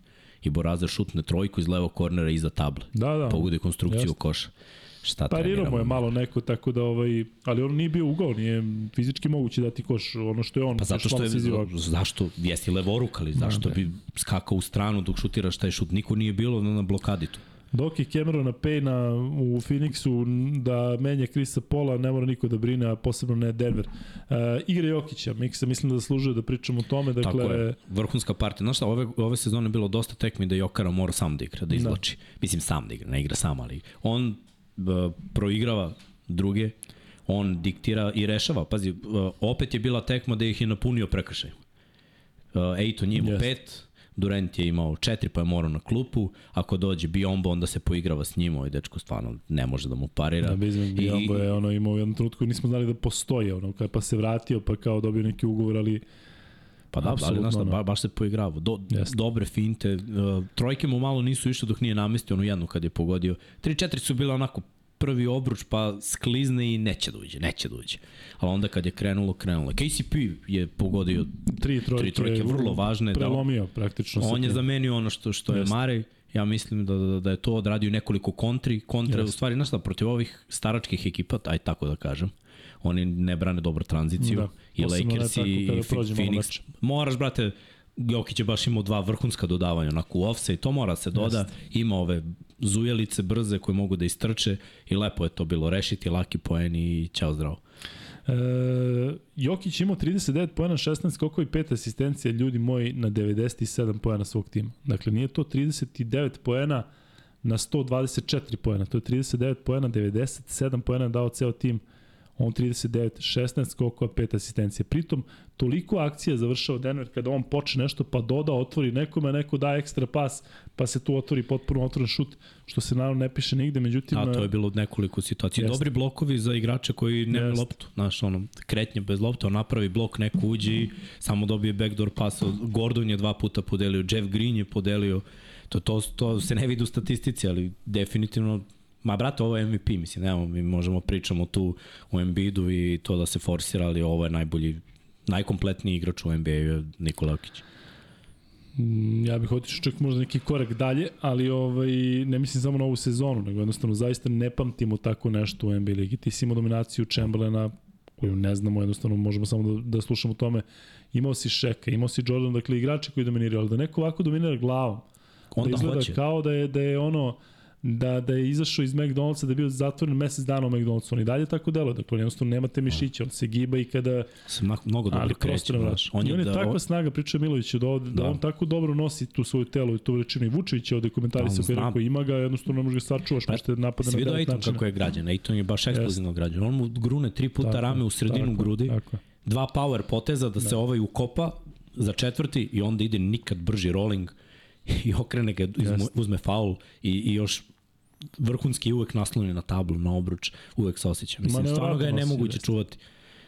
Sve, sve ovo što smo videli, znači on kad bi hteo da uzme više šuteva, opet to se malo kosi sa njegovom igračkom inteligencijom, on hoće da svi igraju, jer hoće timsku košarku, tako treba. Ali kad bi teo da uzme 50 šuteva, ja verujem da bi ono, imao mnogo, mnogo više poena. Ne može E, ništa mu se zameri zapravo, ni u jednoj tekmi. 2-0 za Denver, šta očekuješ do kraja serije? Odnosno u Ako nastavku Pol ne igra, ćao zdravo. 4-1. Ne mogu oni bez Realno. Pola. Da. Ne mogu bez Videlo se, videlo se da jednostavno to nije to. E, Durant I opet je, Pol povređen, brate. Jeste. Opet. Da, ne, nema informacije, nisam vidio da je izašlo da li nešto. Ne prepano, ne znam da li odsustvuje, ne znam da li je sad već otkazano za, za utakmicu 3, vjerojatno neće toliko Pa rano. znaš kad se igra, igra su petak. Da. Ako ga, što kaže petak. Da, da, ma brate. Znači sledeće noć. Ne, ne, ne. Petak na Ja subotu. mislim da je petak na Da, subotu. pa trebalo da. bi zato što ipak se sele vam. Da, mislim, mislim da je ovaj realno da će on da odradi terapiju i da zvekne blokadu i znaš šta, traže od njega da skače, da igra odbranu malo više, on je mator, ne može on to da radi. Nije on Lebron. Da, ali 2 od 12 za 3 jednostavno je dopustivo. Znači, Buker je dao 35 poena, ali u, u posljednji četvrtini nije postojao, pa onda ulazi u neki tamo duel sa Bruceom Brownom. On je pokazao, pokazivao te tu nemoć i ranije kada dobije neke tehničke u samoj završnici. Ma on je da, jedini nije. tu i radio nešto. Jeste, ali kažem ti kada je trebalo na kraju, kada je trebalo najviše, nešto ga nisam video. Taman je Chris Paul namestio onu njegovu iz pika, polu distancu i povredio sa- se. To je dobro sa. Payneom to delo potpuno drugačije, cela ekipa, posebno ovi košgeteri. Tako da, uh, Miksa, Filadelfija dobila Boston, Harden dao onaj koš za pobedu praktično, posle dramio kako ne sme niko da se raduje, odnosno da je glupo radovati zato što je to tek prva utakmica, ali će, čini mi se, serija biti još interesantnija. Ako je Filadelfija pokazala da može da dobije Boston na strani bez Embida, to je ozbiljna poruka koju šalješ u prvoj utakmici. Ma imam problem s Bostonom. Boston igra pocenjuje protivnike. Si vidio možda poslednja dva napada? Nisam. No, vidio sam samo Hardenovu trojku i neki highlight, ali nisam vidio... Brate, Boston je vodio. Imaju Dobro. napad i ide A dodavanje. neke silne ofenzivni skokovi, to je bilo nešto. Pa ajde to, i to na stranu. Znači, Dobro. da, uh, Maxi igra odbranu na, na sredini trojke. I Brogdon, brate, mu daje. Znači, krenuo je dve sekunde do kraja napada, on umesto da šutne tu, već je propao napad šta da se radi. On uzme da doda loptu tu, ne znam koji, ja mislim da je Tatum utrčao, baci loptu iza leđa Tatuma pravo Maxi u offside, ovaj uzme loptu, gurne sebi da for, okrene se, ne može da veruje dečko da, da je dobio taj poklon i Fila povede. I ja gledam i ne verujem, rekao, da li je moguće da će ovo da, da ispuste. Ali opet su imali posljednji napad. I traži timeout. Da. I da loptu Markusu Smartu. Jer realno, pored Tatuma i Browna, da Smart uzme loptu 14 sekundi pre kraja. Je- Aj mi samo reci, je li to realno? De, realno. Da, malo, malo šta je realno. Za, šta Boston radi? Bo Boston se kocka ovde. Pritom Embiid nije igrao tu prvu. Da. Ovo što igra Filadelfija je najružnija košarka koju sam vidio. Ovo uzme dribla loptu 20 sekundi, sve ih skloni, tu se ljuti na njih, napušava ih ko dolazi u pik, hoće određenog igrača u pik da bi izvuk određeni mismatch. Da, 20 nije tamo sekundi dribla hemija, ne deluje da i onda to to. side step i prangija trojku. I na kraju je pogodio neke trojke, Jeste. imao 40 kusur poena i kao to je to. Grozna košarka. Znači gledam ono i ne verujem. Jeste, da, za ja nešto iskreno i tu seriju izbegavam. Ovo mi je sad interesantno što počinje za pola sata, ajde da pređemo na to. Dakle, New York protiv Miami, 0-1 za Miami, ne igra Butler, to je realno prilika da New York izjednači. Miami odradio svoje uz break. Tako je, to je Šta to. je, bre, I da i čuvaju. Butlera za, za Tako treću je. i za četvrtu i molim lepo. Ovo ako urade nešto super, ali Posle idu vol, dve volio kod bih zbog Yorka da ako ništa bar igraju sedmu utakmicu kod kuće. Da se igra sedam utakmica, Miami mi je favorit, ali nekako ovaj, volio bih da taj rivalitet bude začinjen odlučićem tekmom, odnosno majstoricom. Pazi, evo Kuzma malo pre pričao. Mislim, ovi su šutirali je trojke Kuzma sve 7 malo od pre 34. pričao? On je pričao za, za Real, za Musu, za ove koji, koji niš, ništa nisu pogodili. Brate, Neci ništa nisu pogodili. 7 od 34 trojke. Branson 0 od 7, znači, ali nije jedini. Svi su imali 0 Knicks. 5, 1 od 5, 1 od 6. Mislim, koliko Da, da, da. je realno da ih ovoliko ne ideš u tu svakoj Da. tekmi, mislim. Oni su se držali u prvom polovremenu, dok Miami nije krenuo da sipa. Kad je Miami krenuo da sipa, mislim i ovi su imali neke, Robinson imao 0 od 5 ili 6, Uh, Vincent je forsirao, ali je dao pet trojke na kraju od 12. I onako malo po malo, malo po malo, Miami Grimes krenuo da ovaj sipa nešto, kad treba. Da. Grimes ovaj nekako mi se čini da možda se otvori možda za njega. Čini mi se da taj momak ima ovaj ima petlju. Uh, Ivan Jovanović uh, donira i E, Dimitrije Milenković donira, hvala puno obojici, kaže Ivan da sam uh, uvenuo, jesam, kako da iskreno sad me sve stiglo ovo sa, sa Partizanom. I e, nisam, jesam zabrinut, ali i dalje tvrdim da nema šanse da Ćus Mateo pobedi Željko Bradovića tri puta za redom, tvrdim, a, to je to odgovorno. Miksa se vratimo na NBA, dakle očekujemo pobedu Njurka, šta očekujemo na početku serije Golden State i LA Lakersa, biće spektakl. Show. Danas sam gledao, ovaj, vratio sam malo ono posljednje 3 minuta serije e, Golden State Cleveland, one tri antologijska minuta u završnici sedme utakmice i eto, i ovde se nadam da će biti sedma utakmica, ali vidite Lebrona i Stefa i sve ove iz Golden State-a, jedan preko puta drugih, to će zaista biti, kako kaže, show. Pa ja mislim, znaš šta, rol igrači odlučuju ovde. Ne ovi glavni igrači, oni će biti na visini zadatka, nego ovi momci koji dolaze s klupe. Jer su, i jedni i drugi su imali toplo-hladno momente od igrača na klupi. Jednu tekmu se pojave, drugu tekmu nema ih nigde. Jednu tekmu se pojave, drugu tekmu nema ih nigde. E pa sada da vidimo. Sad, sad je najvažnije. Ko će da bude gde, kako, kako će rotirati, ko će koga čuvati. Evo, ko je primarni čuvar Stefa Karija? Ko je primarni čuvar Lebrona? Da li Draymond Green? Kako će tu da naprave rotaciju? Da. Uh, kako će čuvati Antonija Davisa ovamo pod košem, jer on, mislim, ima Tu prednosti. Pritom on može da izvuče Lunija malo, da li će. Luni da mu pušta te šuteve za tri ko što je puštao sa Bonisa ili neće. Ba, baš ima, želim da vidim taktički prvu i onda tu promenu iz utakmicu u utakmicu, kako treneri budu nadmudrivali jedan drugog. To je onako baš dobra serija. I veteranske ekipe, iskusne ekipe imaju igrače koji su osvajali i jedni i drugi. To je onako baš pravi show. Mnogo bolje nego da, da su tipa Kingsi otišli, ako su bili zanimljivi, ali su klinci, ovo je ono. Je li izašla vest? Nije. E, Baš ko, vodi, ko vodi 1-0 mikse? Odnosno, ko će povesti 1-0? Šta misliš? Pa ja nekako verujem Golden State. Igraju kod Čekam kuće, Kuzma, ali ne izlazi još. igraju kod kuće, igraju Šta dobro kod rade? kuće. Da im ne bude mnogo, da onako posle Sakramenta, posle samo dva dana dobiješ Lakersa, ovi toliko spremni. A, brate, oni kad Neko bi sipaju, sipaju. možda za seriju da 0-1 bude za Lakers. To bi bilo nije, zanimljivo. pa da, ali, znaš šta, ovi igraju dobro kod kuće Jeste. i kad uđu taj Jeste. mod sipanja, šifraši, E, oni sipaju samo Brooks rejected Grease offers. O tom Dylan Brooksu se toliko priča da E, ja ono to, što bi Mamić rekao, Da.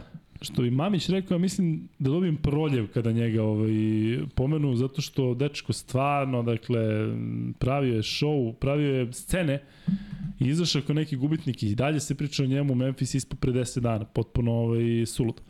E, Šta se desilo s njim? Jel on ne igra više za Memphis? Pa ne, odbio je, odbio je kao ponudu, a i oni nešto nisu baš verovatno dali neku A jesi se ja, ja odbija. meme danas s njim. Meme, mime. Ne sam slaba s tim majmovima sam... Da, kao teška životna priča ovog Butlera, pa teška životna priča ovog, pa teška on? životna priča, pa njegovog saigrača što igrao s njim. da, dobro, dobro. E, ali vidim da kao tri, tri ekipe se pominju da je jedna Lakers i Lakers imaju tu foru da kada neko tako, ne znam šta radi, ćemo sa testom, pa sa s kim milion njih je bilo ovaj, koji Embiid. su došli u šta je Embiid? Kažu šta, šta da su MVP? izbacili upravo da je MVP, Embiid? MVP. Pa dobro, mislim, ljudi, to je očekivano. Ne treba ovaj, zbog toga lupati glavu. Evo, piti ovdje da prokomentarišemo to što Jokić rekao da mu je nebitno ovaj, da, li je, da li je MVP ili nije. Ja stvarno mislim da on iskreno govori. Dakle, mislim, evo, Joel Embiid, name Bio je dva puta, što bi mu bilo Tako bitno? je, mislim Šta? da zato. Da, da, Da- da, da on bude ne tri puta, treći. šta? I mislim da je potpuno fokus na pobedama i na ovo. Da to i ne treba da bude nešto što će njega da interesuje. Tako je, treba da ide da ulazi u osvoji. istoriju, ali ovako će bolje da, da ispiše istoriju na ovaj način. Pa jeste, mislim treba da ide da osvoji, ove Da. godine se otvorilo, mislim oni ako prođu Phoenixa imaju sada dobru šansu, vode 2-0, idu protiv opet veteranske ekipe, gde imaju prednost, mislim, najbolja su ekipa na, na Da. da. zapadu, ako odu na istog, vi koliko, se, koliko će se poklati ove na istog, ko zna šta će tu tek da se desi i ko, koga će dočekati u velikom finalu. To, to je nešto što treba, onda će biti upisano, onda će ljudi prestati da pričaju kao što su za Janisa prestali. Znači ono, da. dobar igrača nije pobedio, dobar igrača nije osvojio, da, da, ja nema ovo, e šta sad, sad ima. I, Toliko, da. pa, E, MVP. Ivan Biće on još MVP, ima sezona. Neće MVP da bude zdrav uvek, evo Ali nije ove kažem ti, godine. mislim da mu to verovatno nikada nije bio prioritet, a sad tek nije. Zato što Pa njemu da. treće za redom nešto ne znači ako nemaš ovo što juriš celu karijeru, a, a što ti kažeš namestilo se da ove sezone bude jednostavno na dohvatu. Imao je ovaj sada- dobru statistiku i šta da se radi. Tako je. Pritom Ameri možda su kalkulisali da, da mu ne daju tri za redom, jer bi onda bio upisan u istoriji da. kao jedini, ja mislim, koji je osvojio tri za redom. Mislim da je to najveći problem i to su izneli neki košarkaši sa jednim prilično dobrim argumentom. To bi bilo jedini put Da. Larry je bio, Larry Bird, tri za redom. Da, tri za redom. On u ne znam među kojim igračima koji su isto obeležili epohe i kao ne može da se pomiri s tim da je to tako. To tako jeste, bez obzira što je nagrada otišla Embiidu, ali to tako jeste i mi ćemo tako da konstatujemo i šta nas briga, šta ne. Uzma priča NBA, Oni mogu da a glasaju šta god hoće. Oni mogu da glasaju šta god hoće. Možemo i mi. Ajde mi da organizujemo glasanje. Ko je- Ajde, ko je- ko je ko je- MVP? Ja glasam Uzme. za Jokić. Miksa, ti? Jokara lagan. Ja glasam za Embiida, tek da bude interesantnije. Da bude 2-1, da ne bude da smo ono... Ja, Ovo skroz lako smo je. ko je. Jokić je naš MVP i šta sad? Ne. Miksa, imamo nešto da kažemo za NBA ligu, nema, ovaj, prošli smo sve ove parove, bit će jako zanimljivo. Da, večera su dve tekme, o, Miami i... Češ gledati, realno? Ne, ne, večeras ne. Pa baš sam imao jak tempo. Večeras ću malo da odmorim, pa ću sutra da pogledam ovaj snimak i onda da mogu lepo da gledam za vikend. Vikend je, ej, vikend mi baš prija, jer idu i ranije. U vikend, ono, Da. 7 pa pola 10, bato. Koja milinica. Da. E, dobro, momci, to je otprilike to. Kuzma, ali imamo nešto da dodamo za kraj? Radimo u četvrtak od 23, imamo se ovdje i dalje 3000 i više od 3000 u live-u. Ko se nije subscribe-ovo, nek se subscribe-ovo. U onoj prvoj nedelji pitao neko ovde za Galens kada ćemo objavljivati. Dakle, sve ćemo raditi u ponedljak, možda sutra samo kažemo kakav je presek i šta i kako. Još ne znamo da li ćemo raditi u petak, ali evo da kažem još jednom, dakle u prvoj nedelji se to provuklo, ali nije u redu da ne budete subscribe-ovani a da dobijete nagradu koja je zaista ozbiljna idete na Zlatibor prema ljudima koji su subscribe-ovani. Tako da imamo vaše mailove pa ćemo onda napraviti neki presek, Pa ćete vidjeti, kažem redi. pa ćete vidjeti. Ove, šta, ćemo, šta ćemo da radimo? Znaš, izlučimo i kao, jel subscribe E, Nije. ni- Cepaj. A pročitamo ga prvo, prvo ko- ga pročitamo. ko Lazar e, ali nije u- dobio. U Tito i ja, kad baca papiriće po sebi. I još jedna stvar, da, ovi dobitnici koji, ovaj, koji su dobili, dobitnici koji su dobili Dobitnici koji su dobili, uskoro će dobiti mail. Putovanje, ovaj, nadam se da neće da se ovaj ponovo jave iz prostog razloga da daju šansu nekom drugom. Mislim da bi bilo sasvim korektno u smislu Dobro, nećemo priznati, da mi sad kao imaš dva vouchera. Pa sad ću baš da pratim ko je šta. Kao spoj, znaš znaš, spaju, znaš ono ali kao. ja kao imam 5 dana. Kao. Ne, ne, ovaj, znaš ono kao, ima prvi maj, pa ću da spojim sa ovim, pa ću posle da odem i stari odmor i onda odem mesec dana. I tako kao, odiću dva vikenda za redom, a tih pet dana ću u Čajetini da provedem, da, da, da uštedi. Skembaću se malo. Tako je. Tako da, ovaj, to vam je to otprilike ljudi. Imamo Kuzmeš nešto da kažemo. Nemamo mnogo toga, osim da eto, žalimo je- jedna dobra okolnost što se igra još jedna utakmica, što je spektakl u najavi, Jeste. Što, što će, eto, Imaćemo vidim, još vidim jedan su, podcast u četvrtak. Znam mislim da Partizan reši ovo. Mi u četvrtak šta pričamo tamo. Sedimo nešto Treća pričamo. utakmica Monako ovo i najavljamo zvezdu za Da, ponedjeljak. da. A, ovaj, ovako imat ćemo zaista o čemu da pričamo, nadamo se da pričamo i o dobrom rezultatu. Ono što je dobro da su korigovane nazad vraćene cene ulaznica. Tako je, da. Nešto je tu Ovaj, izašlo, pa je povučeno i ovde pa neko javlja. odustao i tako dalje. U svakom slučaju bitno je da mogu da se kupe, da još neko može da prisustvuje uh, utakmici koja će biti podjednako neelektrisana, ako ne i za nijansu Ovaj, Na elektrisani. Da, e, dobra stvar, konstatovali smo ko će igrati, ko neće, s druge strane dolazi, vraća se Dek u jednu ekipu koja mislim da neće ovoliko rotirati e, videvši šta ima na raspolaganju, zaista neki igrači nisu ostavili nikakav utisak i mislim da se ništa neće desiti do četvrtka, ali dolazi Dek koji je nekako onako deluje ponekad da ga ne zanima mnogo što se dešava van terena, igra neku svoju igru. Si ga vidio nekad da se, ne da, se smeje, nego da nema onu facu, onu Ne, njegovu ne. Mislim polumentalsku. da ne postoji ta fora koja njega možda ne smeje. Pa daj neko, ajde, da možda mu prevedemo na argentinski, na španski, da. na argentinski. Možda kad pojede argentinski ćevap, možda mu to ovaj, onako donese neku sreću u životu. Ljudi, e, to je otprilike to. 2 sata i 10 minuta, već u četvrtak u 23 se vidimo i nadam se da slavimo e, pobedu Partizana, ako ne slavit ćemo onda posle petog meča, u svakom slučaju Partizan ide na F4, evo zvanično da mu ovde javimo. Dakle, ovaj, šal na stranu, dakle, nadamo se zaista da će se to završiti kako treba i jednostavno ovaj, e, navijam, nema šta drugo. Da, i ovaj, da, i svi oni koji su na YouTube-u, a žele da prate šta se dešava na ovome, na Instagramu, mogu da se da se pojave. Pa će da, se... da obećamo neki live sada, ono, ono, dok Nećemo live, ne, ne. Pa ćemo, na, čisto da mogu da prate vesti više, zato što ovaj, mnogo lepi šorcevi izlaze ovaj, eh, od našim prethodnim gostima. Danas je bio Milojević, ovih dana Lukman. Čuo sam se s Lukmanom, oduševljen je što njegove ovaj, podcasti dalje gleda ozbiljan broj ljudi, tako da ima, ima stvarno mnogo dobrih stvari koje su izrečene i e, ne, nećeš verovati da je da me kontaktirao nedavno jedan, neko ko je rekao zašto nije došao zašto nije došao Molim te, reci što pre. A ja rekao, Zaspati. bio je, kaže, jel moguće da nisam gledao. Dakle, mi u ovom periodu gost, kad nismo, kad nismo objavljivali Jeste. tačno Varda ko šta i možda, a? kako, Vard, tako, A, Varda, jer sam pokazao Valjda smo sliku sa sakrili Varda. bato Tako, kako smo znali ume. tako da, eto, ima, ima tu, malo treba se zagrebe da se nađe, ali ima mnogo interesantnih priča. Hvala vam na još jednom divnom druženju uh, i vidimo se koliko u četvrtak u 23. Nema košarke, ovaj, ima, ima Evrolige sutra te dve utakmice i da, gledajte, gledajte na sport klubu sve te utakmice, a bit će vrlo interesantno ovo finale, pa da vidimo da li Kaha ili da li Gran Canaria ili, ili Turk Telekom. To će, Kaha San Fernando, pa dobro, to će sve će biti interesantno, samo to finale neće. Tako da ljudi, vidimo se u četvrtak.